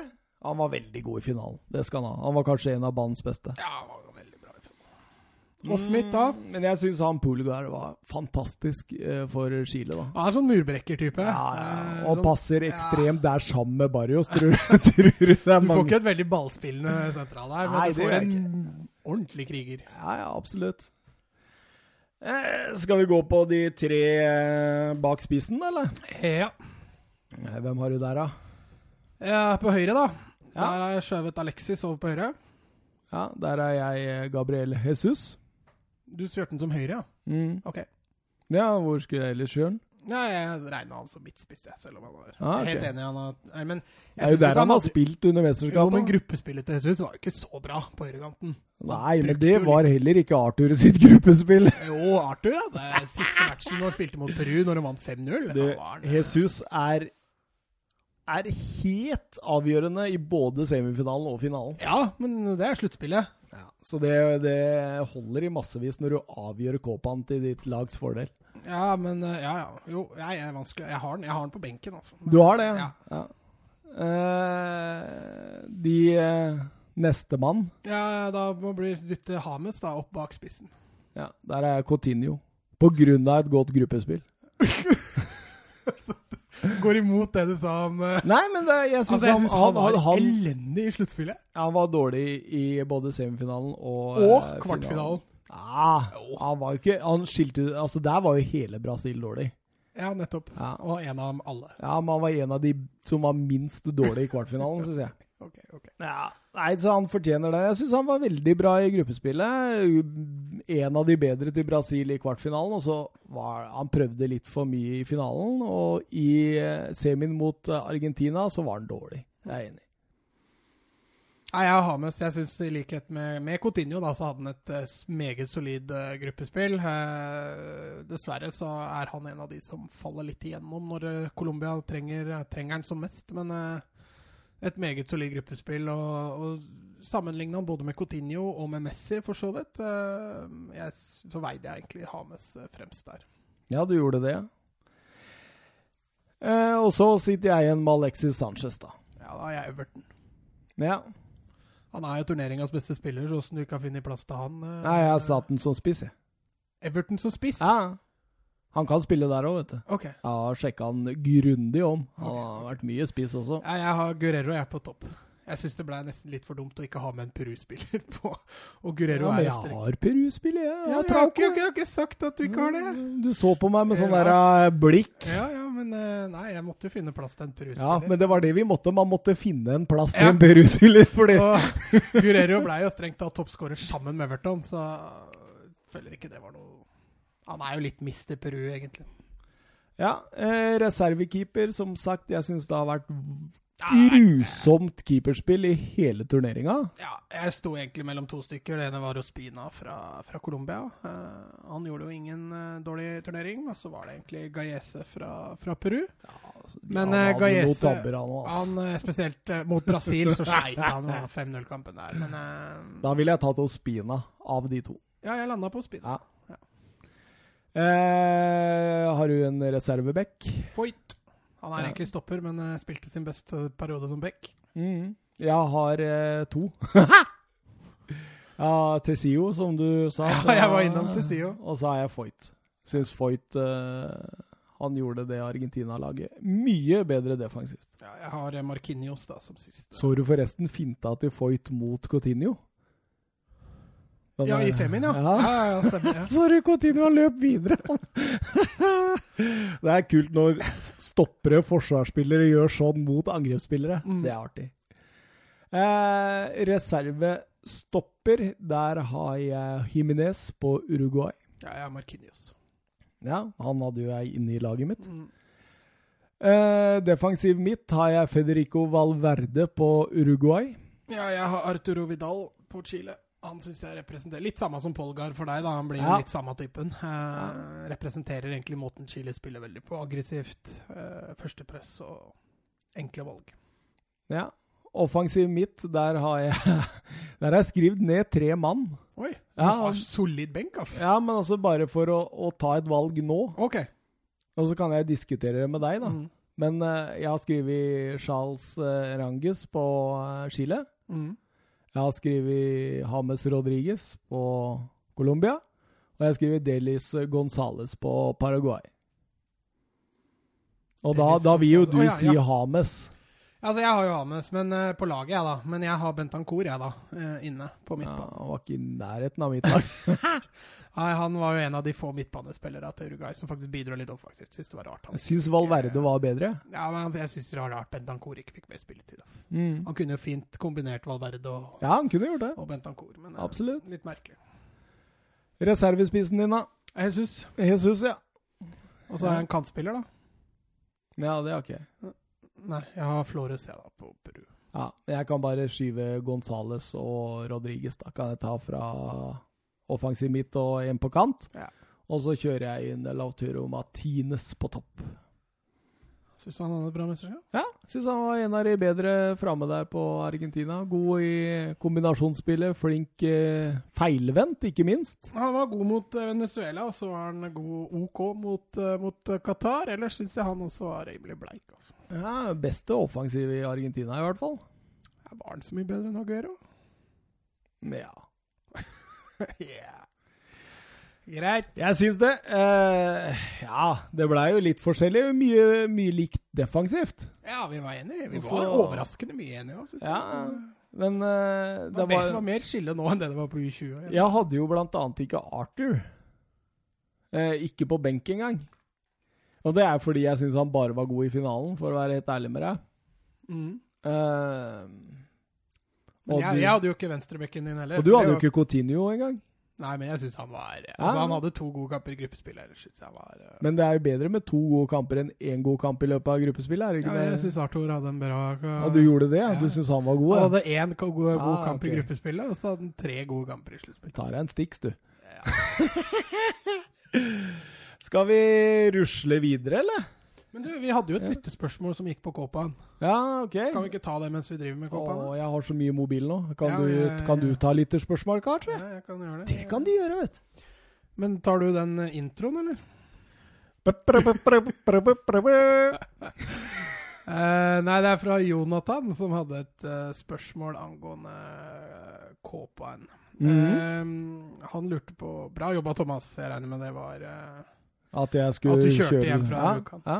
Eh, vil høre litt om straffesituasjonene Messi klaget på der. Eh, vurdering rundt de to, og om det hadde blitt straffe mot andre enn Brasil, slik Messi antyda. Oh. Eh, høres ut som du har svaret på det. Så. Ja, men jeg, jeg nevnte det litt i stad. Jeg er jo så naiv og godtroende at sånne sånne, sånne teorier og sånn, det, det Nei, jeg syns det blir for tynt. Eh, så jeg har ikke noe trua på noen konspirasjonsteori. Eh, men at Brasil, nei, unnskyld, Argentina i hvert fall ble snytt for den ene straffa der mot Brasil, når Arthur bare steller seg opp i veien for Otamendi der, den Mm. ser jeg på som soleklar. Ja, med den Og- albuen litt og så høyere går opp, ja. til og med albuen ut bare Ja. for å ta han imot der. At VAR ikke går inn der, det syns jeg er eh, rett og slett merkelig. Det er var, da. Ja, det var. Eh, Men den andre der er vel Aguero, som er på vei gjennom. Eh, Aguero hadde jo aldri fått den ballen, uansett. Nei. Eh, I tillegg så, så ser det ikke ut som en sånn voldsomt bevisst handling fra Brasil-spilleren. Han er litt mer uheldig enn det det er bevisst. Så at den får gå, det er vel for så vidt, for så vidt OK. Men Men hvis du føler du blir snytt for ett straffespark, og du blir sendt i dusjen for noe som knapt nok var gult kort, da har du lov til å være litt misfornøyd på dommeren. Ja, og misfornøyd med dommeren, det skjønner jeg veldig godt at han var. Men å begynne å antyde sånne konspirasjonsteorier og sånn, det, det, er det er for naiv jeg, til å tro på sånt. Ja, ja det, jeg tror jo Selv om det det. sikkert er mye mafia og korrupsjon i de landene, altså, men eh, Nei, det dette er fra ganske høyt hold. Altså, litt, litt vanskelig for å tro, og spesielt etter å ha sett finalen, hvordan dommeren dømte der. At Nei, ja, da, altså, han, han antyder vel egentlig at Brasil omtrent har kjøpt seg til det mesterskapet her. Og det, det, det har jeg vanskeligheter for å tro. om. Mm. Ja, jeg òg. Eh, har du noen flere Skal vi ta lyttespørsmåla nå når du først var oppe med Ja, altså, vi kan jo ta det andre også, da, som handla litt om, eh, litt om uh, Kåpaen, og det var jo godeste Stix. Han eh, la merke til at jeg hadde lova Stix i studio, så nå har han jo fått uh, Han har vel hørt litt knaskelyder, regner jeg med? Ja, vi, vi er halvveis i Stix-påsan. Men han, eh, han ville bare hylle Peru, Peru, Peru, sjukehus. mm. Eh, dette var jo da før finalen. Ja. Men det er jo sjukehus at de kom til finalen sånn, egentlig. Ja, men dette var litt merkelig Copa-mesterskap. Ja. Eh, at eh, at det, altså Du hadde de kvartfinalene hvor du hadde fire, nei, tre 0-0-kamper og én kamp hvor det ble to skåringer i. ja, det er helt spesielt. Ja, altså Og så direkte til straffespark, liksom. Ja, og dette er, det er ting som Peru tjener på, ikke sant? Ja. Eh, slipper de 30 minuttene med ekstraganger og går rett til det som egentlig nesten er kronomynt. Eh, så, men eh, for all del, Peru eh, Når var det sist de var i en finale? Det var 44 år siden? Var det Ja, det? det, det var voldsomt Også. Så absolutt eh, honnør til Peru. Og så er jo storfavoritter da, som Uruguay og Colombia. Dem Nei, dem eh, De skuffa i sluttspillet. Eh, vi hylla jo Colombia etter første kampen, men det de gjorde i kvartfinalen, det var, det var tynt. Helt klart, helt klart. Eh, eh, skal vi dra videre lyttespørsmål nå, eller skal vi, eller skal vi ta dem sånn underveis, sånn som du er men, litt fan av? men eh, det er litt sånn uh, Greia der, da, er jo at eh, Det er litt ymse. Ja, fordi litt handler litt om Atletico Liverpool og sånne ting, så det kan vi jo ta når vi prater om dem, tenker jeg. Ja. Og så er det ett som vi kan ta helt til slutt. Du kan ta ansvaret for lyttespørsmål, du. Ja, jeg kan gjøre det. Mm. Eh, Men skal vi gå over til eh, Atletico? nå? Skal vi si oss ferdig med Copaen? Vi kan sette strek. Vi kan jo nevne at det bare er ett år til neste Copa. Tenk det, ja. Så det er, er ikke helt så lett å skjønne seg på når disse Copaene arrangeres. Men eh, om ett år så skal jo da Argentina og Colombia arrangere Copa 2020. Veit de om hvem som er gjestelaga da, eller? Nei, Det er ikke blitt nevnt noe om, så det, det vites ikke. Men da arrangeres jo ikke noe Gold Cup. Nei, jeg håper virkelig at det blir eh, Det var finale i natt, vet du. Ja, I, eh, Mexico mot, uh, mot uh, USA. Ja, det Vil du vite åssen det gikk? Ja. Det var Jonathan Dos Santos som scora. Da kan du jo bare gjette hvem som Oi, vant. oi, oi, Mexico. Mexico vant, vant 1-0. Gamle Barca-spilleren uh, scora. Da Pulisic har hatt en godt mesterskap der, har jeg fått med meg. Pulisic Ja, for USA. Ja, ja, ja, stemmer. stemmer.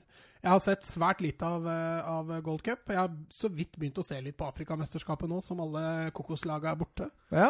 Men eh, Gold Cup, der må jeg ærlig innrømme å si at jeg står ganske Jeg flirer av Madagaskar i kvartfinalen. Men allikevel, altså Ja, det var Marokko de slo Nei, det var, ikke, det var Kongo de slo ut nå.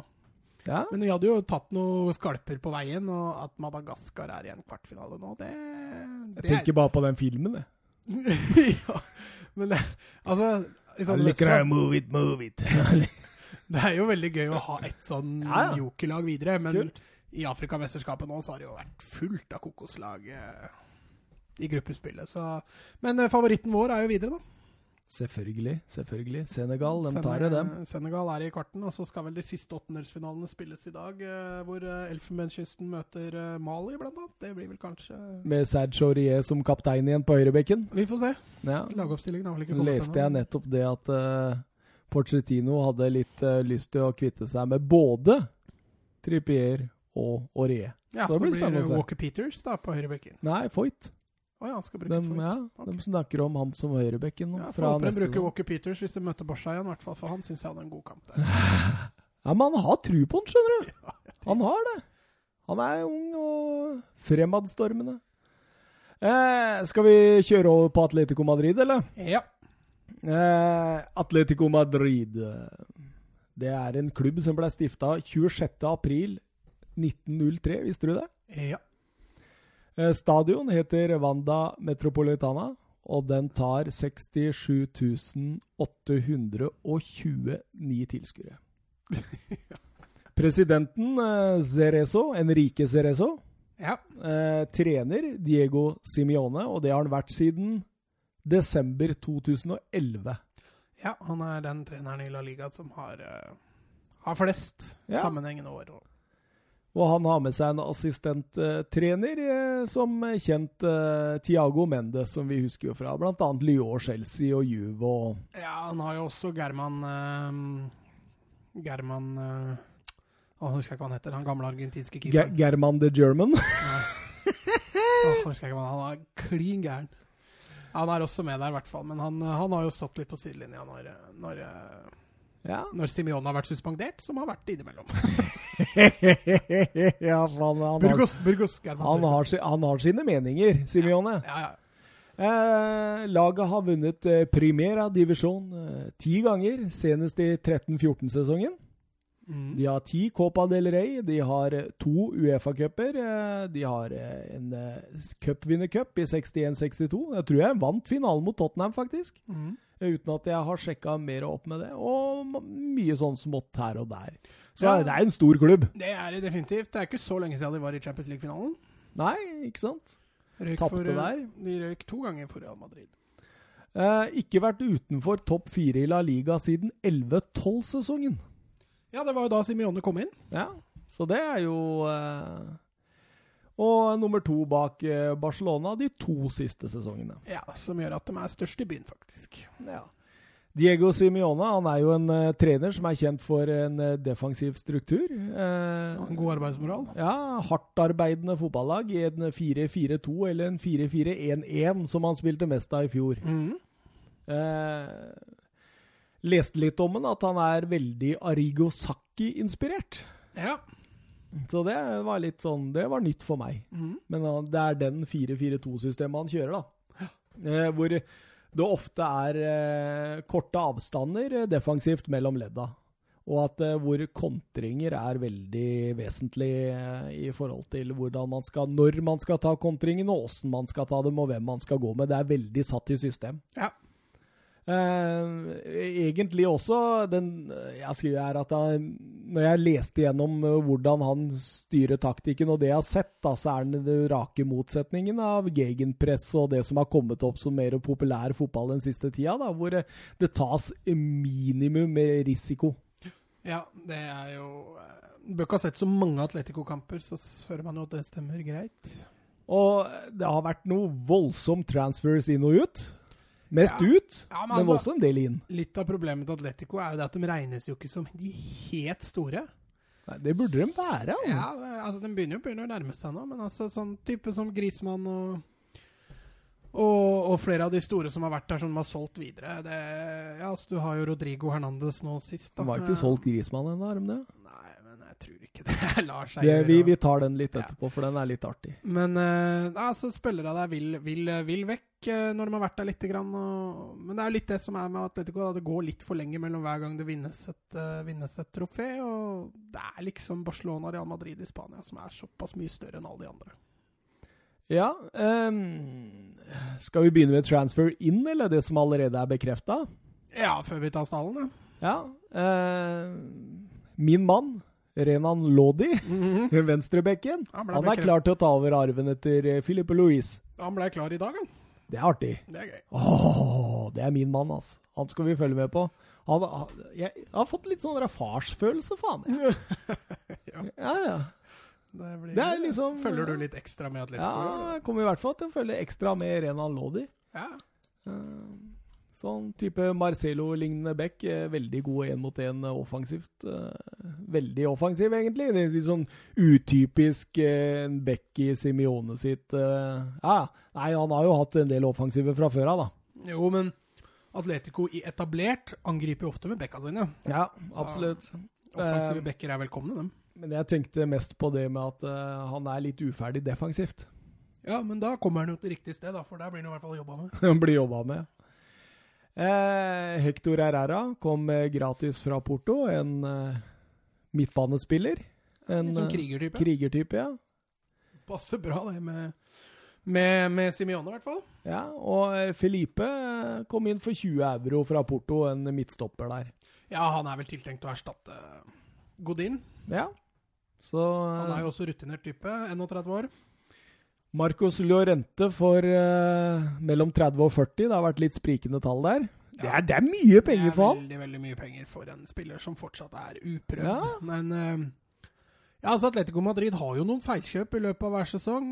Thomas LeMar venter dem fortsatt litt på. Jeg tror Marcos Llorente kan være det feilkjøpet nå. Mm. Eh, men eh, jeg tør ikke være så påståelig, for, for han er jo også en spillertype som Simione liker. Så må vi se da om han greier å komme seg inn i den midtbaneplassen der, for det er hard kamp sentralt på midten. nå. Eller så blir feilkjøpet Joa Felix. Ja, der er jo eh, Gud bedre, altså. 126 euro for en spiller som altså. Har- Jeg husker du reagerte veldig på når Barca kjøpte Frenkie de Jong Ja, for eh, 700 millioner. Eh, han er jo to år eldre enn Felix, nei, ett år eldre enn Felix Joao igjen. Eh, Mm. Så her tar, eh, her tar Atletico risk, en altså. kjemperisiko! Men uh, igjen Og altså, før de egentlig har solgt uh, Grismann også. Nei, men det tror jeg er ganske Altså nei, vi skal er ikke helt enige om summen der ennå.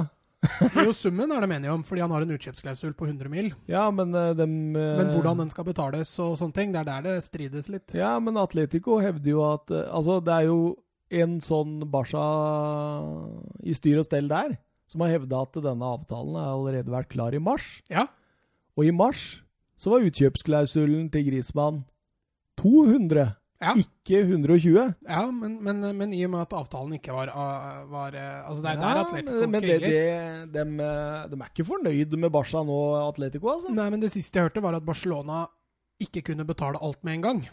Mm. Altså de 100 millionene. Ja, Og ok. de hadde spurt Atletico går det greit om vi tar dette på delbetaling. Og da har Atletico sagt klart ifra at nei. Det gjør vi ikke.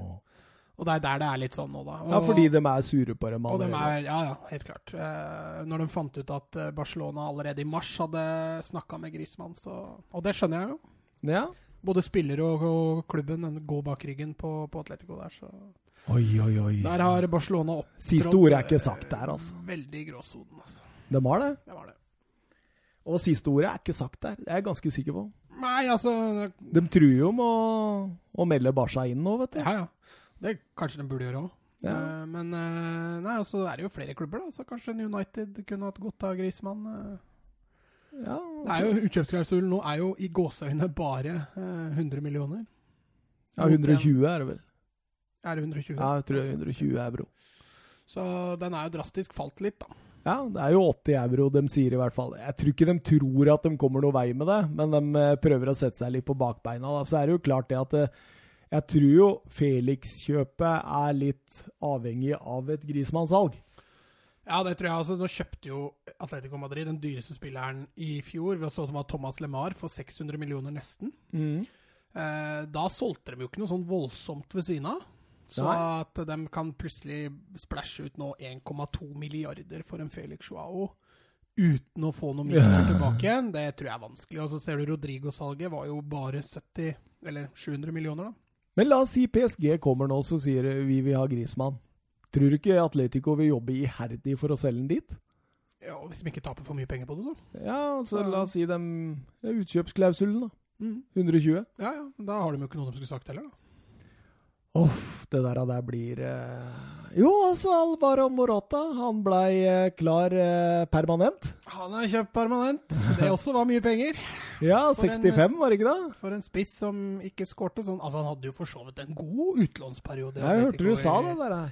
I våres. Han hadde ikke, det var ikke noe sånn bommert, det. Men eh, nå har de altså da tre spisser som skal slåss om den ene plassen, antageligvis, da, i, i Costa, Morata og Kalinic. Ja. Så det blir litt rift der. Og, Kalinic blir nok solgt, tror jeg. Nå ja, var det snakk om han der eh, fra Benfica òg. ja, stemmer. Eh, men det jeg tenker på, det er Chelsea, da. Som selger for nesten eh, to milliarder i en I en kjøpsnektsesong. Ja, det er sterkt. Det, Men Morata hadde de jo ikke hatt neste sesong uansett, for han Nei skulle jo vært leid ut. Men det er litt sesongen, artig. Kanskje Hudson Odoi går òg, og så har de gått over to milliarder. Det har vært litt funny, faktisk.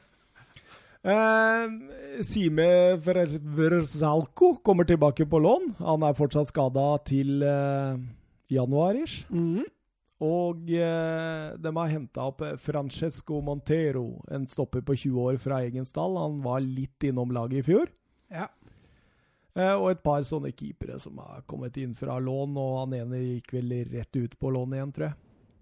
ja, så har de også solgt uh, Gelson Martins da, til, eh, til Ja, men uh, vi er ikke på, oh, ja, du ikke vi er ikke på Nei, for der har vi jo Lucas Hernandez uh, for 80 mm. til eh, Bayern. Og så har de jo solgt Rodri nå. Ja, Rodrigo Hernandez, ja. Ja, han har gått til City. mm. for 70. Gelson Martinez for 30. Eh, Luciano Vietto for eh, 7,5. Han gikk vel til Portugal et sted, tror jeg. Den Ja. Gamle Fulham eh, Han var jo på utlån til Fulham nå. Mm.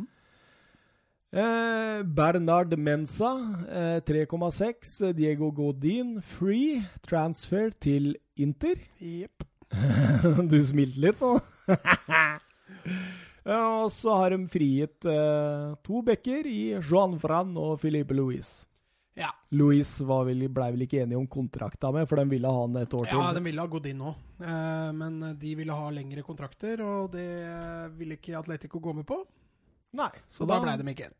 Da frier vi, og så gir vi enda flere huller for eh, Mats og Thomas å fylle i 90 minutter. Ja, da kan vi jo starte kanskje med Sigbjørn Fatnes Bø, som hadde Ja. angående det. Atletico trenger en stor overhaling. Mhm. Kan salg av Rodri til City være egentlig positivt for Atletico Madrid? Det passet jo ikke 100% inn i spillestilen til Simione. Kan gjøre mye spennende med de pengene pluss Grismann. Og det er jeg helt enig i, fordi hvis du ser de spillertypene han har på den midtbanen, så er det veldig mange ganske like. Mm. Og, og Rodri, han sånn Nå er ikke jeg en Atletico Madrid-ekspert, det skal jeg være førstemann til å innrømme. Men han har jo brukt veldig ofte fire sentrale midtbaner på de fire plassene på midtbanen. Ja, Og spilt veldig smalt. mm, han har, han har gjort det. Eh, du ser det er veldig få kantspillere i Atletico-stallen nå. Eh, Jeg er til dels enig med Sigbjørn. Uh, den sentrale midtbanen der, så passa han ikke 100% inn, men han passa 95-6 inn. Ja. Jeg tror han er best i én av tre mm. sentrale, hvor han selv er den dype. Ja. Eh, men nå er Rodri han er et såpass stort talent og en såpass god fotballspiller at de, de tilpasser seg ganske bra. Så at uh, Atletico kanskje har gjort noe bra der med å selge han uh, det, Altså, de ville jo ikke selge han, men uh, det kommer litt an på. Hvis Marcos Llorente kommer inn og skal være erstatteren, så får vi jo se, da. Det. For der er det jo med godt i pluss. da. De har jo gått 30 millioner i pluss med å kjøpe Men der er det kvalitetsforskjell òg, altså. ja, det er det. Så Nei, vi får se. De har jo henta Herrera òg, da, fra Porto. Han kom jo gratis. Så.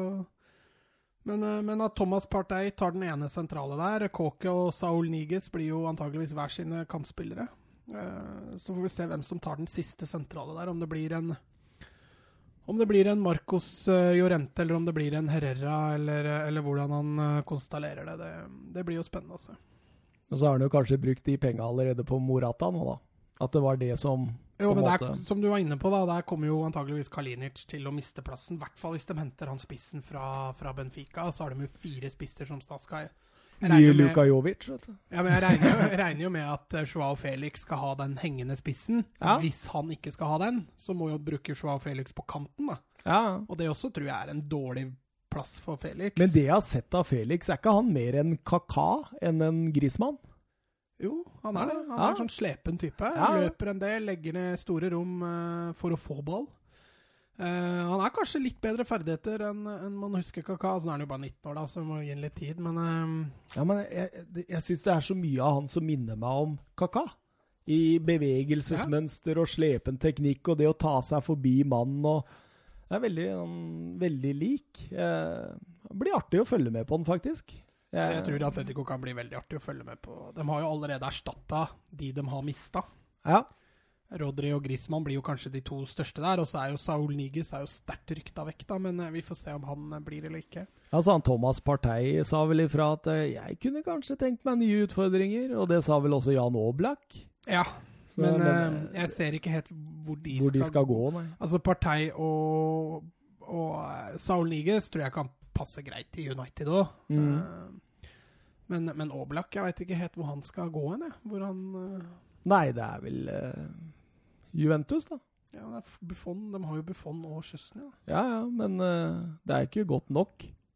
Altså, både Stensny og Buffon Buffon er jo på hell så det synger etter, Ja, og Stensny er jo ikke god. Det sto noe rykter i klausulen på kontrakten. Han skulle ha sju kamper, for da blir han tidenes mest spillende Serie A-spiller. Så bare han får den rekorden, og så er han ferdig. Han. Åh. Nei, men vi får se, da. Eh, Jeg tror eh, den sentralen blir nok eh, vanskelig. Men skal vi ta sentralen etter hvert? Skal Ja, vi begynne vi med keepera? ja. Vi begynner med keepera, fordi der har jo Atletico Madrid Jan Oblak, Antonio Adan og André Moreira. Eh, Oblak eh, er jo den soleklare eneren der, og en av verdens topp fem beste keepere, skal vi si det sånn? Ja. Eh, ingenting å gjøre. Vi Nei. gidder ikke. Nei, vi nei, gidder nei. ikke Så lenge ikke Oblak drar noe sted, så Ja. er det ikke noe å gjøre der. Høyrebekken er Sime Ferel Vrsalko og eh, Santiago Arias. Eh, ja. Holder i massevis. Det er en OK høyrebekkduo. Ja, Arias han eh, holder fortet til Vrutsalko kommer tilbake igjen fra skade, og så vil de sikkert eh, dele litt eh, tid. Ja, nå er de jo sterkt rykta til Nelson Semedo, da. Ja, det er jo i forhold til denne Grismann eh, Ja, at de Ja. bruker det litt der. Men, men ikke noe som er prekært å gjøre der. Nei, det er, jo ikke, det er jo ikke nødvendig å gjøre noe der, eller jeg ville tatt casha, jeg, altså. Eh, venstrebekk, der har vi jo kun én venstrebekk skrevet i dag, og det er Renan Lodi. Ja. Og eh, Men, men eh, godeste Arias har jo spilt en del venstrebekk også, ja, så det går an å, å skyve han over på venstre. Og hvis Semedo da kommer inn, så Men Renan Lodi er jo fortsatt et usikkert kort, selv Ja. om jeg har snakka mye fint om den, så det er jo greit å det er rom for Alex Grimaldo der. ja. ja, det er det, vet du. Å, det er vakkert, vet du. Nei, eh, jeg, jeg syns ikke liksom ja, Man må vel ha inn en, en, en backup til han, tenker jeg. Ja, eh, også kanskje en, en litt eldre backup. Ja, kanskje det. Eh, Kanskje en Grimaldo. Nei, da, blir, da faller han litt ut. Nei, vi får se. Eh, vi tar jo inn etterpå. Ja. Eh, stoppere, José Jiminez var god i Copaen. Eh, Stefan eh, Savic, den gamle City-stopperen. Ja, han var en tur i Fiorentina. han. Ja. Filipe, eh, nyankommen. Montero fra egen stall. Og eh, Perez spilte tre kamper i La Liga i fjor. Argentiner. Ja. Eh, blitt sterkt linka til han der eh, godeste i Espanol som jeg snakka om tidligere i dag. Herma også. Mm. Så det kan jo gå gjennom. Eh, Godin-tapet kan bety, bety en del. Eh, det er jo mye rutine og erfaring som ligger bak der. Ja, men, men eh, jeg, jeg kjenner Felipe fra Porto for dårlig eh, til å vite Ja. om de har gjort en god erstatning der. Men han skal være grei. Men, men altså, Godin er en Altså, Én ting er å erstatte spilleren Godin. En annen ting er å erstatte kapteinen, lederen, mm. favoritten hos fansen. Ja. Den biten der blir mye vanskeligere å erstatte. altså. Mm. Så vi får se. Jeg kjenner som sagt Felipe for dårlig. Hvis Hermoso skulle komme fra Spanjol, så tror jeg de gjør en kjempesignering. ja. Um, så, men, men i utgangspunktet, antallet de har på stopperen, så skulle jo det holde. Ja. Og kvaliteten er også bra. Hvis, hvis du spiller med han Jiminez og Filipe, da, hvis han er en godt valg Ja, så har du Savic. Så har Savic er, ingen dårlig, også. er heller ikke noe dårlig backup. Nei. Og Montero er en uh, fremadstormende stopper. Ja. Så det, det tror jeg skal gå ganske greit. Og så er det jo dette som jeg, jeg satte opp høyrekant, venstrekant på sentral midtbane, men han spiller jo ikke med høyrekant og venstrekant, og han spiller jo omtrent med fire sentrale, som vi var inne på. Mm. Og da kan jo du ta det Du snakka litt om, om denne midtbanen. Ja, altså Marcos Llorente er nok definitivt kjøpt inn som en sentral i en av de to sentrale. Det samme tror jeg nok også Thomas Partey er. Eh, Partey er jo også en potet, så han kan bruke han ut på kanten. Og han har også brukt, uh, brukt Thomas Partey både på høyre og venstre bekk, så han, uh, han han har litt alternativer med han. Ellers så blir nok Kåke høyre eller venstre. Han også kan jo gå inn sentralt. Saul Niges blir nok høyre eller venstre kant. Han også kan gå inn sentralt. Saul Niges også spilte jo litt venstreback eh, på slutten av sesongen i fjor, faktisk. Ellers så blir nok da også Vitolo og, eh, og Angel Korea og Thomas LeMar er er jo litt mer kanttyper. eh, Ja. Mens Angel Korea også kan være spiss, altså hengende spiss også. Så midtbanen til, til Atletico, sånn som den ser ut akkurat nå, Mm. så har de jo nok alternativer. Ja. Så får de heller diskutere om det er bra nok, da. Ja, jeg, jeg, jeg skriver det i min analyse her, at det er, det er så vanskelig å si med den midtbanen i forhold til hva Simione tenker. Ja. Fordi altså Det skriker jo etter i hvert fall en høyre breddeholder hvis han ikke skal bruke en sentral midtbanespiller der. Men så, så tyder jo på, som du sier, da, at det kan være tiltenkt at Kåke og, og Saul Niges går ut som de breddeholdere. Mm. Og da Ja, da For da har Lebar og han ja. har Vitolo. og Dem er jo litt mer typiske kanter. Mm. Eh, som kan spille eh, både høyre og venstre, de også, for så vidt. Men da blir det jo innoverkanter, da. Eh, så Angel Korea har han jo også brukt som kantspiller. Eh, Ja. Selv om han er kanskje litt mer angrepsspiller. Så jeg ville ikke gjort så mye, tror jeg. Ja, altså Antall spillere så, og, og kvaliteten de har der, så er det jo ikke noe sånn voldsomt mye å gjøre der. Eh, Så får vi se da om det ender opp med salg hos enten Thomas Partey eller Saul Nyges. Og hvis en av de forsvinner, da må han gjøre noe, tror jeg. Ja, eh, i angrep eh, Joao Felix, eh, Alvaro Morata, Diego Costa, Kalinic og eh, sist, men ikke minst eh, Grismann. Fortsatt. Han er der fortsatt. Uh, Grismann ut, det er vi ganske sikre på. Ja, altså eh, Det siste jeg også leste fra Grismann, der var at det var uaktuelt for han å møte til trening med Atletico nå. Selv om Atletico har gitt klar beskjed om at det ligger ikke noe avtale med Barcelona der, så du, du har egentlig å uh, ære kontrakten din. Mm. Grismann uttalte at det var uaktuelt, så der tror jeg det er i ferd med å bli ganske kjølig. Ja. Den veien også. Så da ser jeg egentlig ingen andre grunner til at han forsvinner. Minuset for Atletico nå, da, som de må ta et standpunkt til, er at hvis de ikke selger han til Barcelona, så Ja. kan det hende at de blir tvunget til å selge han billigere. Ikke sant? til en annen klubb. Mm. Og da kan det hende at de bare må bite i de sure eplet, selge han til Barcelona for det de allerede har vært avtalt om, og så, og så heller melde Barcelona inn til eh, Ja. For det, de har jo åpenbart opptrådt uprofesjonelt og, og ulovlig. Absolutt. Eh, Joao Felix går nok sikkert i den eh, rollen bak spissen, tenker jeg, i en 4-4-1-1. Og jeg bare tenker på det der. Vi snakker jo om Ajax og Dortmund og ungdomssatsinga Lyon. Men Benfica også? Der kommer det mye. altså. Du har Gedes, du har eh, Renato Sanchez, eh, Bernardo Silva, André Gomez, eh, Cancelo. Det, det, og de par av de der av Wolverhampton-spillere òg, Cavallero, Cavallero og, um, og dem. Det er voldsomme spillere som kommer ut av det systemet der for tida. Altså. Ja, så gjør de jo bra kjøp. Altså Diogo Yota og, og han derre Jimenez på topp hos eh, Nei, Jimenez på topp hos uh, Wolves, og ikke minst uh, Luka Jovic. Mm. Så det er åpenbart at det jobbes eh, veldig, veldig bra i, i Benfica. Og nå ønsker Atletico Madrid han er den andre serbiske spissen deres. Ja, som eh, knapt nok har spilt noen kamper for Benfica, det òg. Nei, jeg tror ikke han hadde spilt noen ja, offisielle kamper. Uh, men eh, Ja, nei, det jobbes jo åpenbart godt. Nå skal jeg finne ut hva han heter. Ja, du skal det, ja? Ja, Istedenfor bare han serbiske spissen. Ja. Da er det på tide å finne ut hva han egentlig heter. Morata, som sagt, skrev eh, permanent kontrakt, og Diego Costa kan se ut til å bli. Selv om eh, Everton har blitt litt linka i det siste. Mm. Ja, det hadde passa inn i Everton, altså.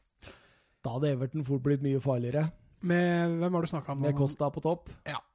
Det hadde vært en, eh, en eh, Lukaku light. Ja, absolutt. Han hadde passa der ekstremt godt. Så klarer Everton å få i land den der gjedda uh, i sivet der. Da kan Everton også begynne å tenke på å spasere forbi Ole Gunnar Solskjær og Manchester United. Vente litt på United. Hva ja, de har vel bare henta Van Bissaka for eh, 50 euro, og, eller 50 pund, var det vel. mm. Og eh, han eh, James Det er jo foreløpig, så de sitter litt på gjerdet enda. Jobbes nok sikkert hardt. Sivkovic. Ja. Det er, Der fant jeg jeg fant det. Serbiske jeg kan ikke tenke meg at han blir utslagsgivende neste sesong. Men aldri si aldri. Det sa vel folk om Luka Jovic òg. Ja. Eh, men jeg tenker kanskje Ja, han spiller jo med én spiss og Felix bak, og det blir nok Morata, tenker jeg. Ja, altså med Costa i bakhånd. Eh, og så kan de da selge Kalinic, egentlig. Ja, han fikk svært lite sjanser i år. Skårte vel bare to mål, tror jeg, hvis ikke jeg husker Ja. feil.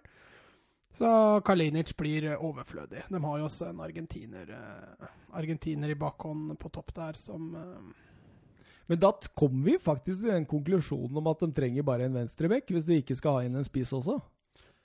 eh, Ja. Så er de faktisk klare. ja, men klare. den begynner å bli ganske ferdig kjøpt. Ja. Eh, sånn at eh, jeg tror ikke eh, Ibanez het han er spissen, forresten. Ja. Så jeg tror ikke de trenger så veldig mye. Så kan lande en venstreback som kan være en backup for Lenon Loddi, Så, så tror jeg Atletico kan bli vasse. Men de har som sagt muligheter der òg, med å skyve Arias over på, på venstrebekken. Eh, Noen av de de har blitt linka hardest til i det siste, har vært eh, André Lacassette Mm. fra Arsenal. Alexander Lacassette er han heter. Lillebroren. Ah, Ante Rebic, Mm. Semedo, Otamendi, Niklas Lodeiro. Og så har han vært litt innom han Nicola PP, som eh, Mhm. ser ut til å gå til Liverpool, egentlig. Marcos Alonso har vært eh, linka. Eh, Kieran Trippier og Lautero Martinez. Mm. Det er de største linka.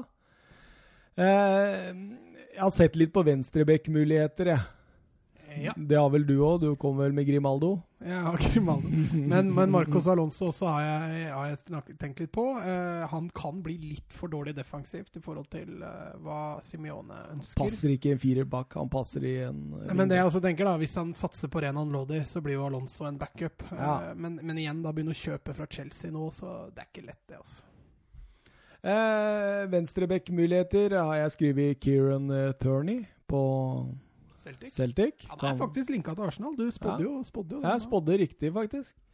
Eh, Alex Telles fra Porto kan jo være en mulighet. Eh, Kursava på PSG kan jo være en type. Ja. Jeg tenker at det, man må i hvert fall få inn spillere som man er nesten litt sikker på presterer, siden man har en Lodi som kommer direkte fra Brasil. Mm. Eh, Lucas Ding kan være en mulighet. Men han blir dyr. Ja, han blir dyr. Og det samme blir Alexandro. Mm. Men det hadde vært mulig å hente han ut, tror jeg, fra Juve. For den rette sum. Og så har jeg ikke noe flere. Men det, det var jo en god gjeng med venstrebacker, det. Ja, altså Kursava, der tror jeg du fant faktisk noe som kan være bra. Jeg tror ikke det nødvendigvis er noe PSG heller kommer til å savne sånn veldig. Nei, ikke sant? Eh, Så det, kanskje det hadde vært en god uh, backup for Renan Lodi hvis han skulle blomstre. Ja, og jeg, eh, jeg hadde jo satt opp noen angripere her òg, jeg sånn egentlig, skjønner du. Fordi eh, det var Jeg skrev dette før Alvaro Morata ble klar. Mm. Jeg var litt usikker på at han, om, om han kom til å skrive under permanent. Og da var det Ja. Det var spillere som Patrick Cutrone. Tror jeg kunne vært en veldig bra spiller for uh, Ja, litt sånn kriger Ja. Litt sånn eh, Det er jo litt sånn Diego Costa light-opplegg. Mm. Eh, Edin Cheko hadde vært en fint alternativ. Eh, Lautino Martinez han har jo vært uh, linka også. Han blir litt for defensiv da, som spiss. Han ser Ja. veldig mye møte. Ja, ikke sant? Som, som en toppspiss i 1-1. Ja, som Ja. blir mer en backup til uh, Joao Felix eventuelt. da. Og Maximiliano Gomez fra Celta Vigo. Ja. Men han er vel så å si klar for Valencia, sa du? Ja, altså, Nå ble jeg litt usikker da når du begynte å bjeffe, men eh, Ja, det var Westham som var ute og sikla etter han. Jeg leste i går seinest at uh, han ønska Champions League-spill med Valencia og var villig til å ta en betydelig lavere lønn. Og hvis han er Champions League-interessert, så går du ikke til Westham. Nei, det kan fort bli noen år til de finner Champions League. Selv om det er mye interessant der nå. Ja, de har vært eh, aktive på overgangsmarkedet. både og. Pellegrini er en ringrev. Så, og så er han, han er en dyktig manager òg, Pellegrini. Så. Jeg tror vi har også en veldig en fast følger eh, av poden vår, han eh, Fredheim. Ja. Er jo Westham-fan. Ja. Så han, eh, han kan jo se fram til denne sesongen her. Det ser ut som Declan Rice blir. Det ser ut som de får eh, i gang Lanzini fra skade. Mm. Så har de jo fått inn Fornals, da, og de har jo Filippe Andersson der. og Det, det, det, det er bra offensivt. altså. Han, han, du skal ikke tulle han der av Michael Antonio heller. Så det blir spennende å se Westham. Ja, men de må ta det siste steget. Det er ofte det vanskeligste. Det Leicester tok med bravur under Ranieri. Og Ja. Wolves ser du sleit i fjor. Nå har de bare én sesong i Premier League bak seg, da. Men uh, Everton sliter med å ta det siste steget. Det, det skal litt til å komme inn i den topp seks, men jeg tror det er muligheter neste sesong med Frank Ja. Lampard i Chelsea, med Ole Gunnar Solskjær i Manchester United. altså, men altså, det som er med United, da, dem sitter man jo og venter litt på. Ja. At de skal gjøre to-tre store signeringer til, og så plutselig er United med i kampen om topp fire igjen. Men Arsenal, der sitter vi jo ikke og venter på noen store signeringer. Nei, det er Eh, Chelsea veit vi jo ikke kommer til å signere noe, og, og bryte inn i hvert fall klare topp seks neste år, det bør være mulig. altså. Jeg Så du med Arsenal hadde bydd 40 for Saha nå? Crystal Palace bare 'vi skal ha det dobbelte minst'. Eh, ja. Skal vi eh, Da slår vi oss til ro med at uh, Atletico Madrid uh, kun trenger venstreback, vi. Så er Ja, de i så lenge de ikke selger noe, så, Mm. så er vel det det mest prekære. Ja. Nei, men det er fair, det. Skal vi gå over til Liverpool Football Club? Ja, Det kan vi gjøre. Uh, Ja. Da kan jeg jo fullføre det ene lyttespørsmålet vi hadde fra, fra Sigbjørn. Ja. Eh, Liverpool kanskje kun trenger å styrke noen backup-løsninger. Tenker da spess på venstrebekk, stoppeplass, kanskje en spiss? spørsmålstegn. Det kommer vi inn på. Det kan vi jo gå gjennom, og så Mm. får han svaret. Det kommer vi inn på. Svaret får han fasit. Han får fasit. Uh, Dypdykka i dette, og også forhørt meg med noen uh, svært habile Liverpool-kompiser. Så jeg føler Ja, han også har vært innom bildet, skjønner du. Han har nevnt litt her og der. Um, stifta 15. mars eh, 1892. Gammel? Ja, gammel klubb. Eh, Anfield stadion. 54 074 plasser. Eier eh, Fenwick Sports Group, som vi har inne på, vært inne på før, før, med Tom Werner og John Henry. Eh, manager Jørgen Klopp og assistenttrener Selko Buvac. Eh, 18 ganger seriemestere. Sju ganger FA-cup og åtte ganger ligacup. Seks mesterliga, hvorav de siste to var Nei, de siste var i Champions League, de siste to. Siste i 18-19, jeg vil ikke helt si det. 18-19-sesongen. Eh, tre Uefa-cuper og smått og stort til sammen 66 trofeer i skapet på Anfield. Det er, det er stor klubb. Det er eh, gigantisk. Flest kamper for Liverpool, kan du den, eller? Hvem som har hatt flest? Ah, det, er- det er dårlig gjort, eh, Thomas. Eh, må vi langt tilbake, eller? Ja, vi må faktisk til eh, fra 59 til 78.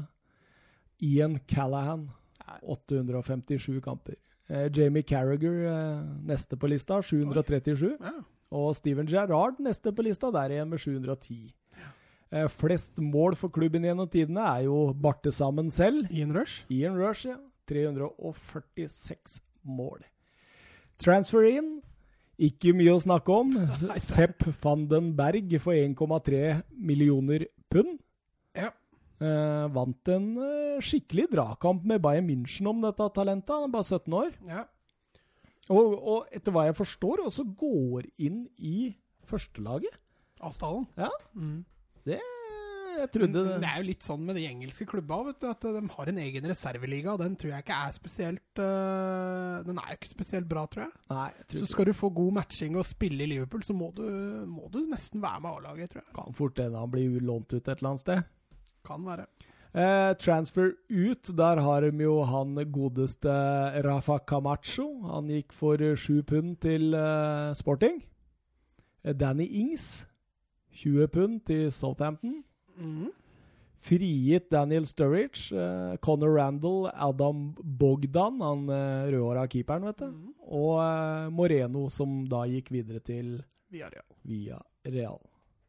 Hører eh, Via Real-folket er ganske positive til Moreno. Ja, men de, Via Real de har henta Raúl Albiolo de, gratis fra ja. Napolis. de er bra. Men de har jo også leid ut Che Ojo. Ja, ja, ja. Liverpool, Liverpool altså. Ja, ja, ikke via, ikke via Real. Eh, de største ryktene har jo vært eh, rundt eh, Nicolas Pepe. Eh, han har jo vært så å si klar flere ganger i avisene. Dani Ceballos, junior Firpo, eh, senest linka hardt i dag, så jeg. 300, nei 30 pund. Det tror jeg er for lite, hvis ikke utkjøpsklausulen hans tilsier noe annet. Ja, jeg tror han har 50 pund i, eller 50 euro i utkjøps. Eh, Alex McCarthy, det er jo tilfellet Simon Mignolet vil eh, reise. Han har jo antyda det. Eh, Dembélé fra ditt kjære Barcelona.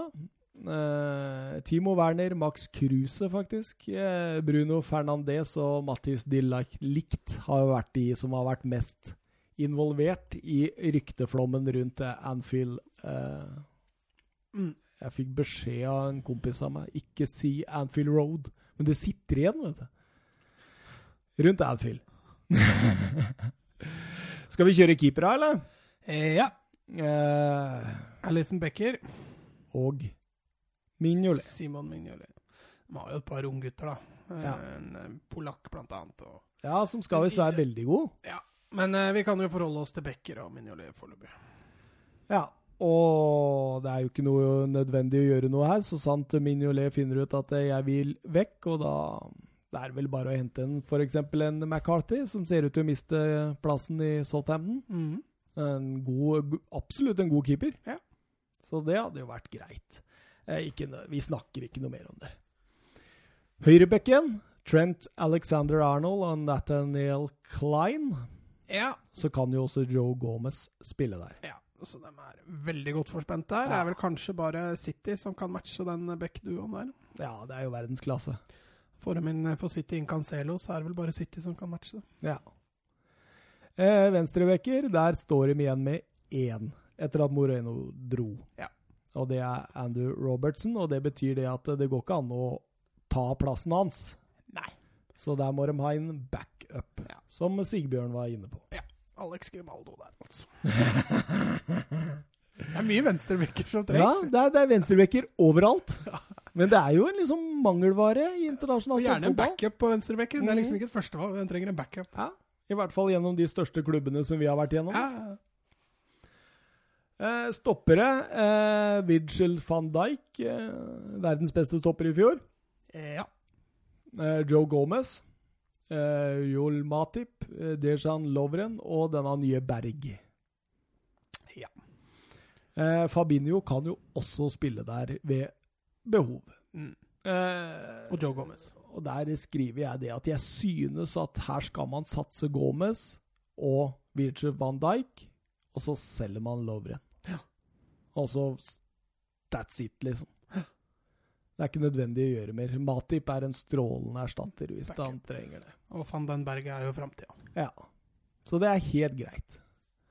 Eh, sentral midt, eh, Nabi Keita, Gigi Vinaldum, eh, Jordan Henderson, Oxlade Chamberlain, James Milner og eh, Adam Lalana. Og det, det, James Milner han kan faktisk spille venstreback, han òg, i det verste fall. Ja, han har gjort det flere ganger. Mm. Så det, Sa du Fabinho nå i den sentrale? Eh, nei, eh, det var siste. Ja. Jeg, jeg blei imponert over eh, at eh, Milner kunne spille venstreback her. og så Lalana, ja. Eh, jeg, jeg, her ville jeg rensa litt og fått inn en kreativ type, jeg. Ja, det er jeg helt enig med deg. Eh, hvis det er noe det mangler der, så er det den kreative midtbanespilleren. Ja. En som kan gå rett inn sammen med Fabinho og Vinaldum Mm. i den treeren. Ja. Eh, jeg ville solgt eh, Altså, Milner ville jeg beholdt pga. potetegenskapene og lederegenskapene. Jeg har, for, har forstått det sånn også på mine kompiser som er eh, Liverpool-ihuget, at han har veldig mye å si for garderoben. Ja. Samme var vel Eh, Henderson. Ja, og Keita er en fin backup i for tilfelle sånn, så jeg, jeg ville solgt LaLana og Oxlade Chamberlain. Ja. Jeg tror de to eh, Jeg så Jørgen Klopp sa at Oxlade Chamberlain og LaLana var begge eh, tiltenkt eh, posisjoner fremover, men jeg, jeg ville Chamberlain signerte vel ny kontrakt for ikke så lenge siden. Ja, ja. Men jeg ville solgt dem. Ja. Ville. Dette er vår, dette- vår, vår podkast, så vi bestemmer. Ja, absolutt. Det hadde vært det lureste av Klopp, og så fått inn en offensiv, kreativ type ved siden av der. Ja. Så eh, til Sigbjørn da, så mener vi da at det er ikke bare backuper. Her må man inn og styrke et ledd. Ja. Eh, høyrekanten så har de Mohammed Salah. De har eh, Shardan Shakiri og Harry Wilson. Ja. Mm, Der bør de gjøre noe alvorlig mye, altså. Der er det, der er det lite kvalitet. Men eh, på venstrekanten så har de eh, Sadio Mané og Benjamin Woodburn. Mm. Og på topp Jeg går bare fordi det blir litt av det samme, de greiene der. Eh, angrep har de med Firmino og Divok Origi som Mm. helt på topp. Og det er jo dobbel dekning, men dobbel dekninga Jeg føler han ikke er god nok. Skal de få en langtidsskade på f.eks. en Mané, en Firmino, en Salah, så vil de slite veldig. Ja. Så her må de ha inn en spiller, tenker jeg, som kan spille alle stedene. Mm. Som går inn og liksom på en måte gjør det savnet minimalt. For du kan, du kan jo si at eh, ok, Divo Korigi han var eh, grei og gjorde sånt i Champions League og sånt, og Benjamin Woodburn er en, eh, og, en spennende type, og Sherdan Shakiri er en helt grei backup. Men det er ikke godt nok, føler jeg. Nei, altså Origi tror jeg egentlig passer klart best som en midtspiss. Å, nå tar han Stix! Nå tar han Stix! Så i hvert fall få inn en som kan spille på begge kanter. Ja, det, det mener jeg. Eh, men jeg Jeg, ja, jeg veit ikke om jeg ville beholdt Origi. Som en backup. Ja, Ja, Det er jo en grei backup, det viste han jo i ja men jeg, jeg føler alt dette her er sånn Det er sånn eventyrgreie med han der. Jo, men hvis, jeg er enig i det at hvis Firmino blir skada i tre måneder, Så sliter de. så er jo ikke Origien bra nok Nei, til å spille så Og da er han ikke god nok backup, tenker jeg. Men han er jo en god nok backup til å komme inn og, og bidra litt og, og avløse Firmino litt og sånne ting. Det, det er han jo bra nok til, spør du meg. Ja, spør du meg ikke. Jeg ville hatt en Jeg sier bare to mål i semifinalen og. Ja. Ja, men det var det eneste skuddet han hadde på mål òg, så det er liksom eh, Sier vel litt, da. Ja. Eh, skal vi eh, gå til hvem eh, vi ville henta? For da må vi ha en venstreback. Mm, ja. Spørsmålet er da, skulle man kjørt ungt og urutinert, eller rutinert type som liksom er på dine siste år? Fordi de tar jo ikke plassen til en av verdens beste venstrebacker. Nei. Eh, og da har jeg sett for meg litt, altså. Jeg har sett eh, Det er en spiller i Norwich. Kun 21 år. Kan være mulig å flytte. Jamal Louis. Mm. Han er en spennende type. Nå rykka Eh, jo Norwich opp, da. Ja, men uh, hvem vil ikke gå til Champions League-vinnerne? Sitter på benken, da. ja, men også få avlasta, da. Mm. Det er mye å lære der. Kan være bedre det enn å rykke ned med Norwich. ja. eh, og så ser jeg for meg inn i den andre type skalaen. Hvorfor ikke bare hente Filipe Louis, da? ja, den er jeg mer på. Ja. Men Filipe Louis ønsker jo en lengre kontrakt igjen. da. Ja, men gi den to år, da. Tre år. Ja. Så bare har hun der. For altså, Robertson er jo aldri skada. Nei, Han hadde vel én periode i fjor, men ikke noe sånn veldig. Nei, så det, den, den er grei. Så da går vi for enten Louis eller eh, Louis. Eh, men så kommer vi til kjernen i eh, problemet her. da. Det er den kreative, offensive midtbanespilleren som skal gå rett inn i den treeren på midtbanen og styrken. Mm. Hvem tenker du? Har du noen Fabian. Åh, ja. Altså, han Tenk å ha fått Fabian inn i den altså, Med tanke på den løpskapasiteten han også viste under U21 EM, da. Altså, Ja. Han er jo så typisk Klopp, så han synger etter. Ja. Er med fram i boks, eh, er både tilrettelegger og kan være avslutter. eh, Er også veldig samvittighetsfull i det defensive, så jeg tror han ville passa perfekt. Men for Fabian sin del så håper jeg jo ikke at han eh, Og for Premier League sin del, for da tror jeg Liverpool vinner med en gang. så lenge han er skadet. Men, men det der var så godt det, Jeg har den ikke, faktisk, på mine forslag. Så det der var så godt forslag at jeg hyller det med en Stix her nå. Jeg tror ikke det er veldig sannsynlig. Nei, men det kunne skjedd. Altså, La oss si Liverpool går til, eh, til Napoli, og så sier de du, at eh, vi vil ha han. Han skal rett inn i laget. Da kan man bruke litt mer penger, vet du. Ja, altså Hvis de ender opp med å selge Lalana og Chamberlain og, og Lovren og sånn, så får de inn litt cash òg, da. Så har vel sikkert Liverpool litt cash. også. De har nok en del, og de er jo ikke avhengig av å kjøpe voldsomt. Så Nei. de kunne ha splæsja en 800-900 millioner på en Fabian. Mm. Det kunne de ha gjort. Men andre typer jeg har, da, det er jo Dani Ceballos. Ja, han er vel litt rykta dit òg. Ja, det er jo en sånn type som kunne gått inn og, og heva den standarden. Hosam Awar hadde dårlig U21, syns Ja, altså, er ikke han litt mer defensiv igjen, da? ja, han er vel ikke den superkreative- ja, men Han kan fint gå inn der, han, syns jeg.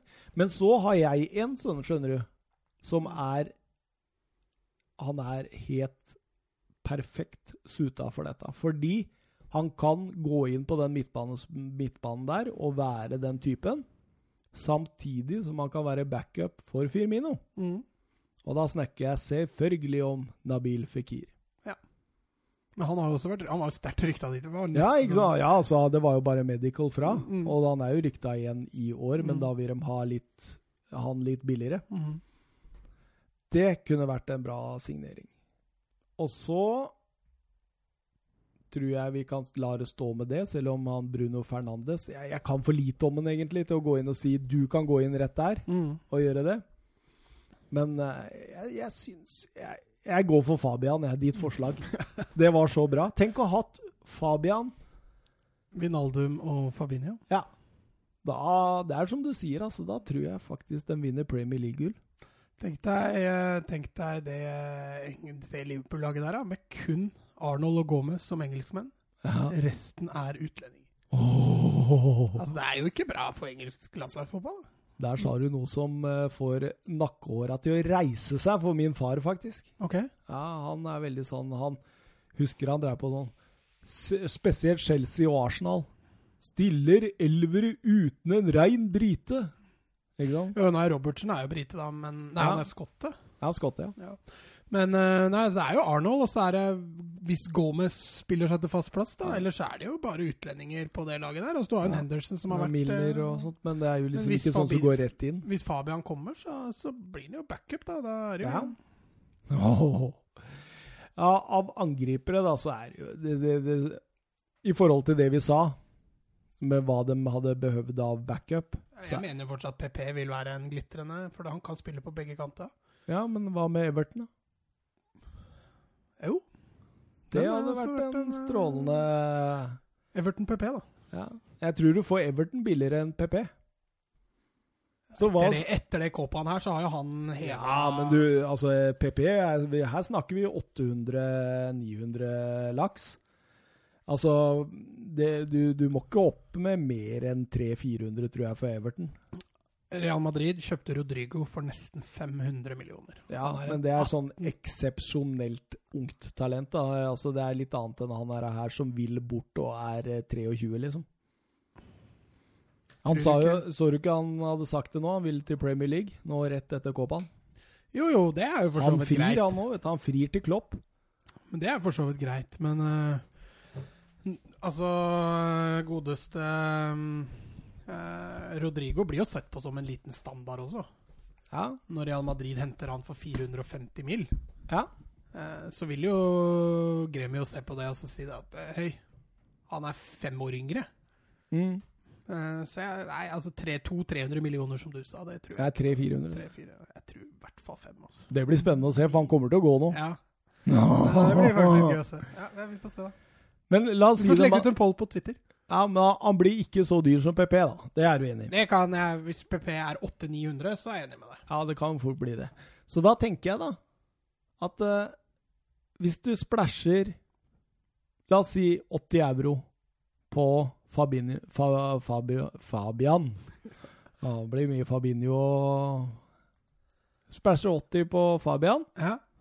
og så splæsjer du 40 på Everton. Mm.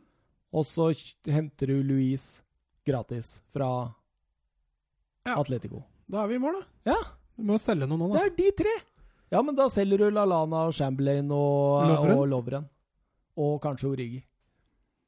Hvem var den tredje høyrekanten du sa? Det var Shakiri, Salah og Og Harry Wilson. Harry Wilson. Ja. Nei, da er jeg for så vidt enig. Mm.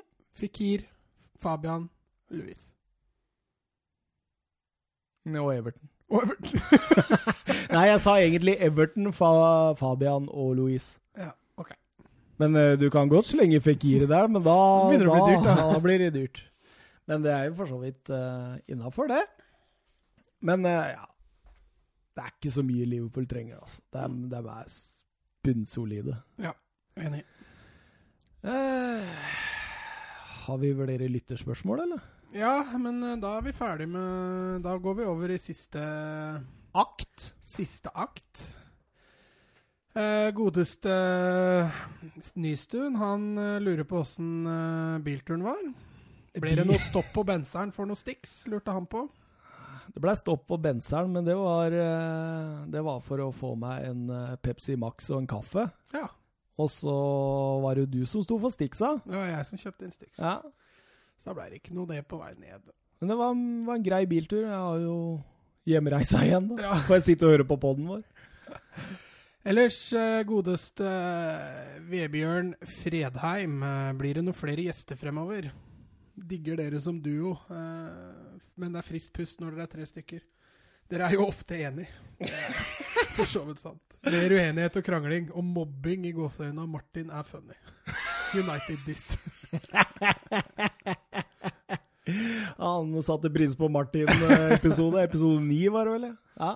Nei, vi, vi skal jo få flere gjester, men vi har ikke giddet å, å stresse med det før sommeren. Nei, eh, altså nå har det jo vært litt sånn der, eh, alternativ fotball, hvis vi kan kalle det det, med Kåpa og U21 og sånne ting. Så. Men når sesongen begynner igjen i august, så regner jeg med at vi drar inn noen gjests. Vi gjør vel det. Du har vel uh, snakka om litt sånn eh, litt høyprofilerte gjester òg, har du ikke det? Jo, vi skal få til det. Oh, Eh, skal vi se, og da var det siste da, fra Petter S. Begynner å bli noen store overganger nå. Rodri, Azard, Mendy, Rabiot, Ndombele etc. etc. Hvem er så langt den beste? Og spå gjerne den neste store. Den beste overgangen Nå er du langt inhabil. Nei! Hvis du sier en Ndombele nå, så er du inhabil. Ja, men mener du ikke at det kan fort være det? Nei. Hæ?! Altså dette er en av de bedre, det er jeg helt enig med deg i. Men altså, hvis Hazard ikke kommer til å herje i La Liga, da skjønner jeg Da skjønner jeg ingenting. Nei. Jeg Jeg er enig i det. Så den overgangen der det, Altså, De har betalt mer enn det Tottenham gjorde for en Dombele, da, så vi må kanskje veie det, men eh, Og en Dombele er eh, seks år yngre.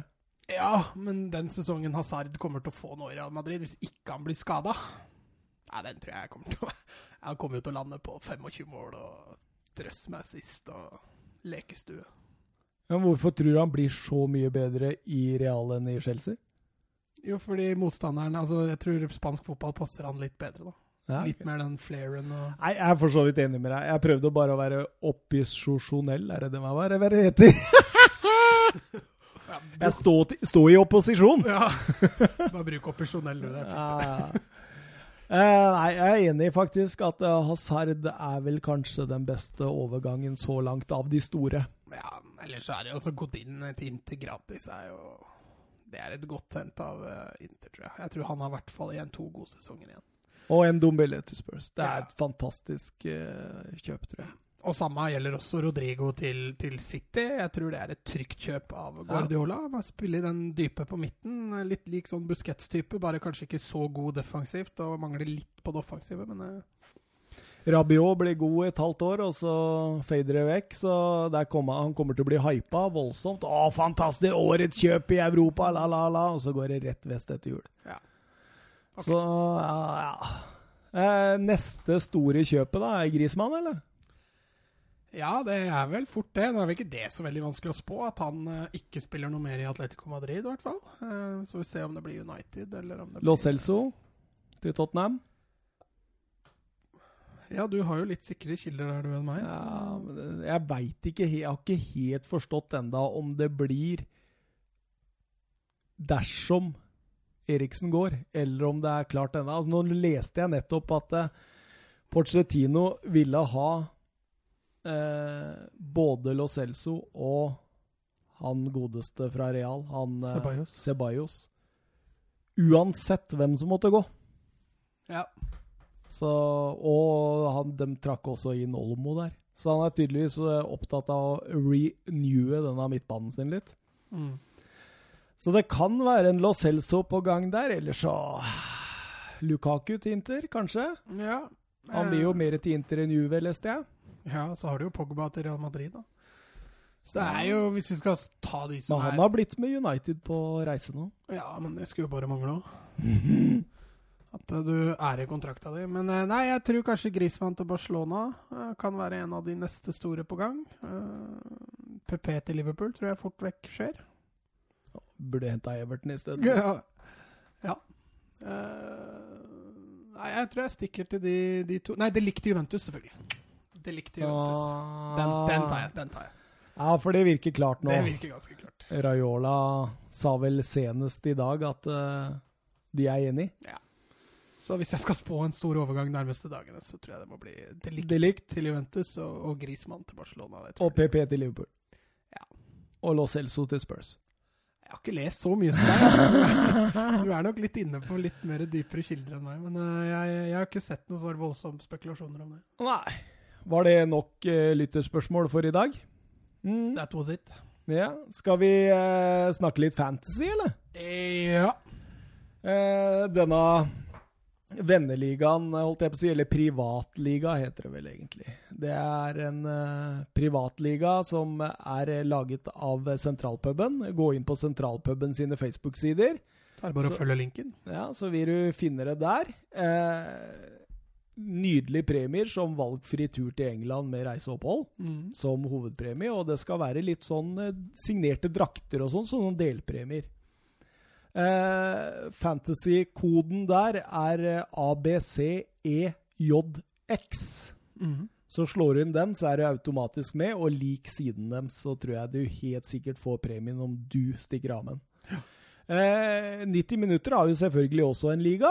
Det har begynt å komme noen folk inn der. Ja.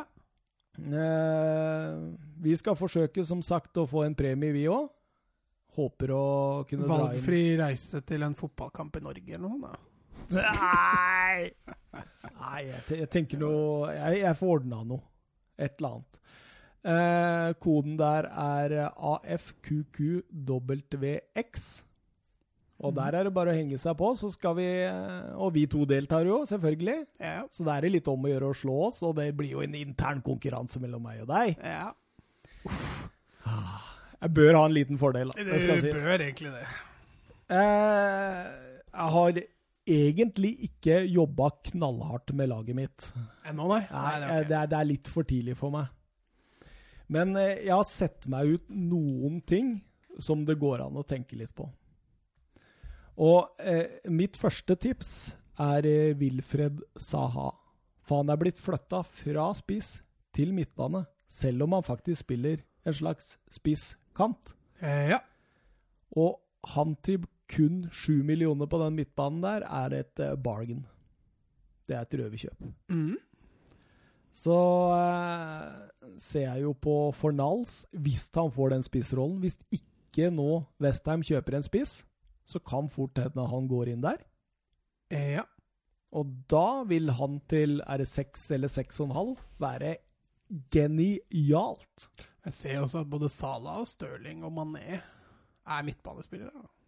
Ja, og det er det jeg skulle fram til. Du må ta et valg. Hvem vil du ha av Stirling og Sa?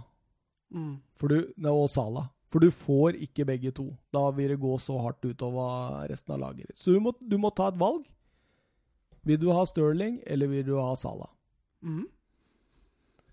Hva tenker du?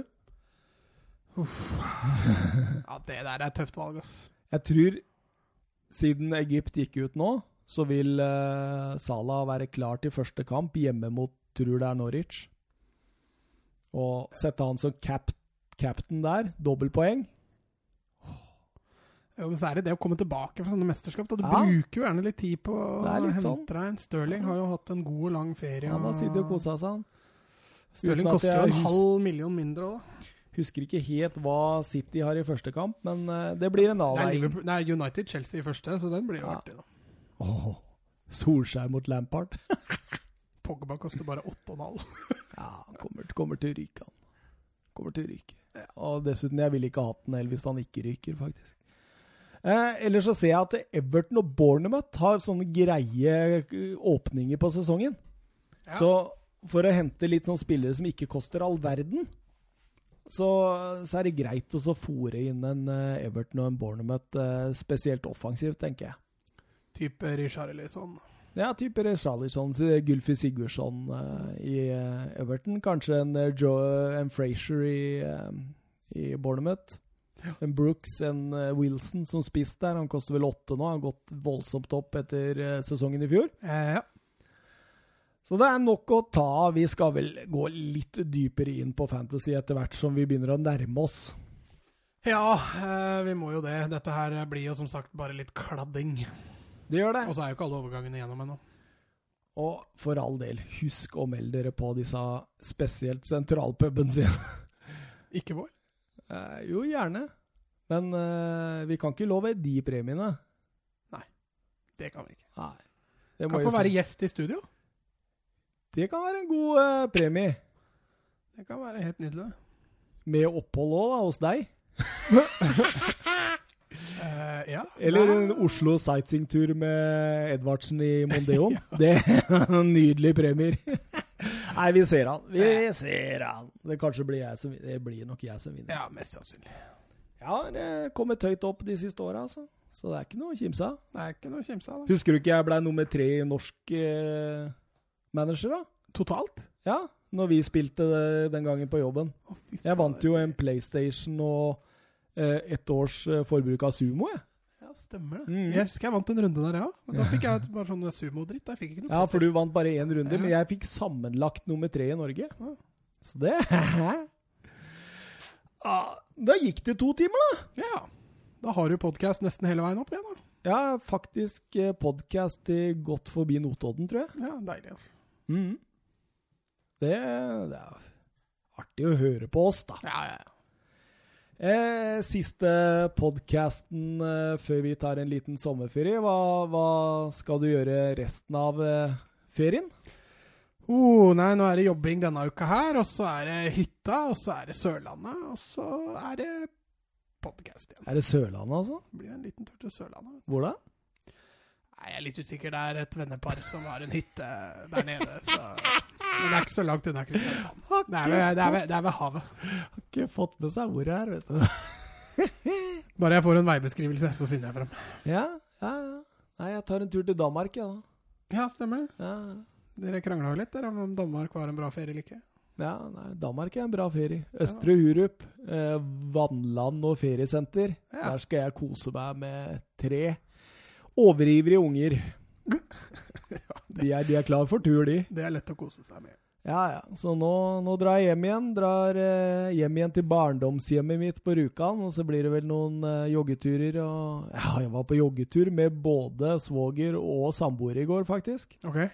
Det var tur gjennom, eh, gjennom kratt og lyng og togspor og alt som var. Var helt pumpa etterpå. Eh. Er, de er jo, begge to er jo 30 kilo mindre enn meg, vet du. Så jeg har jo nok å Men jeg hang på, da. Påvirker tempoet litt, det. Ja, det gjør det, altså. Skal vi, skal vi si natta? Nei, det er ikke- jeg- ja, nå- Nei, nå er det ikke natta. Jeg tenkte jeg skulle gå en tur med bikkja, så skal Ja. jeg høre gjennom og høre at alt høres greit ut. Jeg setter meg i bilen, jeg. Ja. Så blir det Drammen, Kongsberg, Notodden, Rjukan. ja. Så ses vi igjen til episode 17. ja To-tre uker. Ja, noe sånt noe. Etter du har kommet fra Sørlandet, og jeg er fra Danmark. Ja. Jobber du mot en gjest òg, eller? Det kan fort skje da. Gjør det, gjør det. Ha det bra. God sommer. God sommer, ja, og nyt Stixa.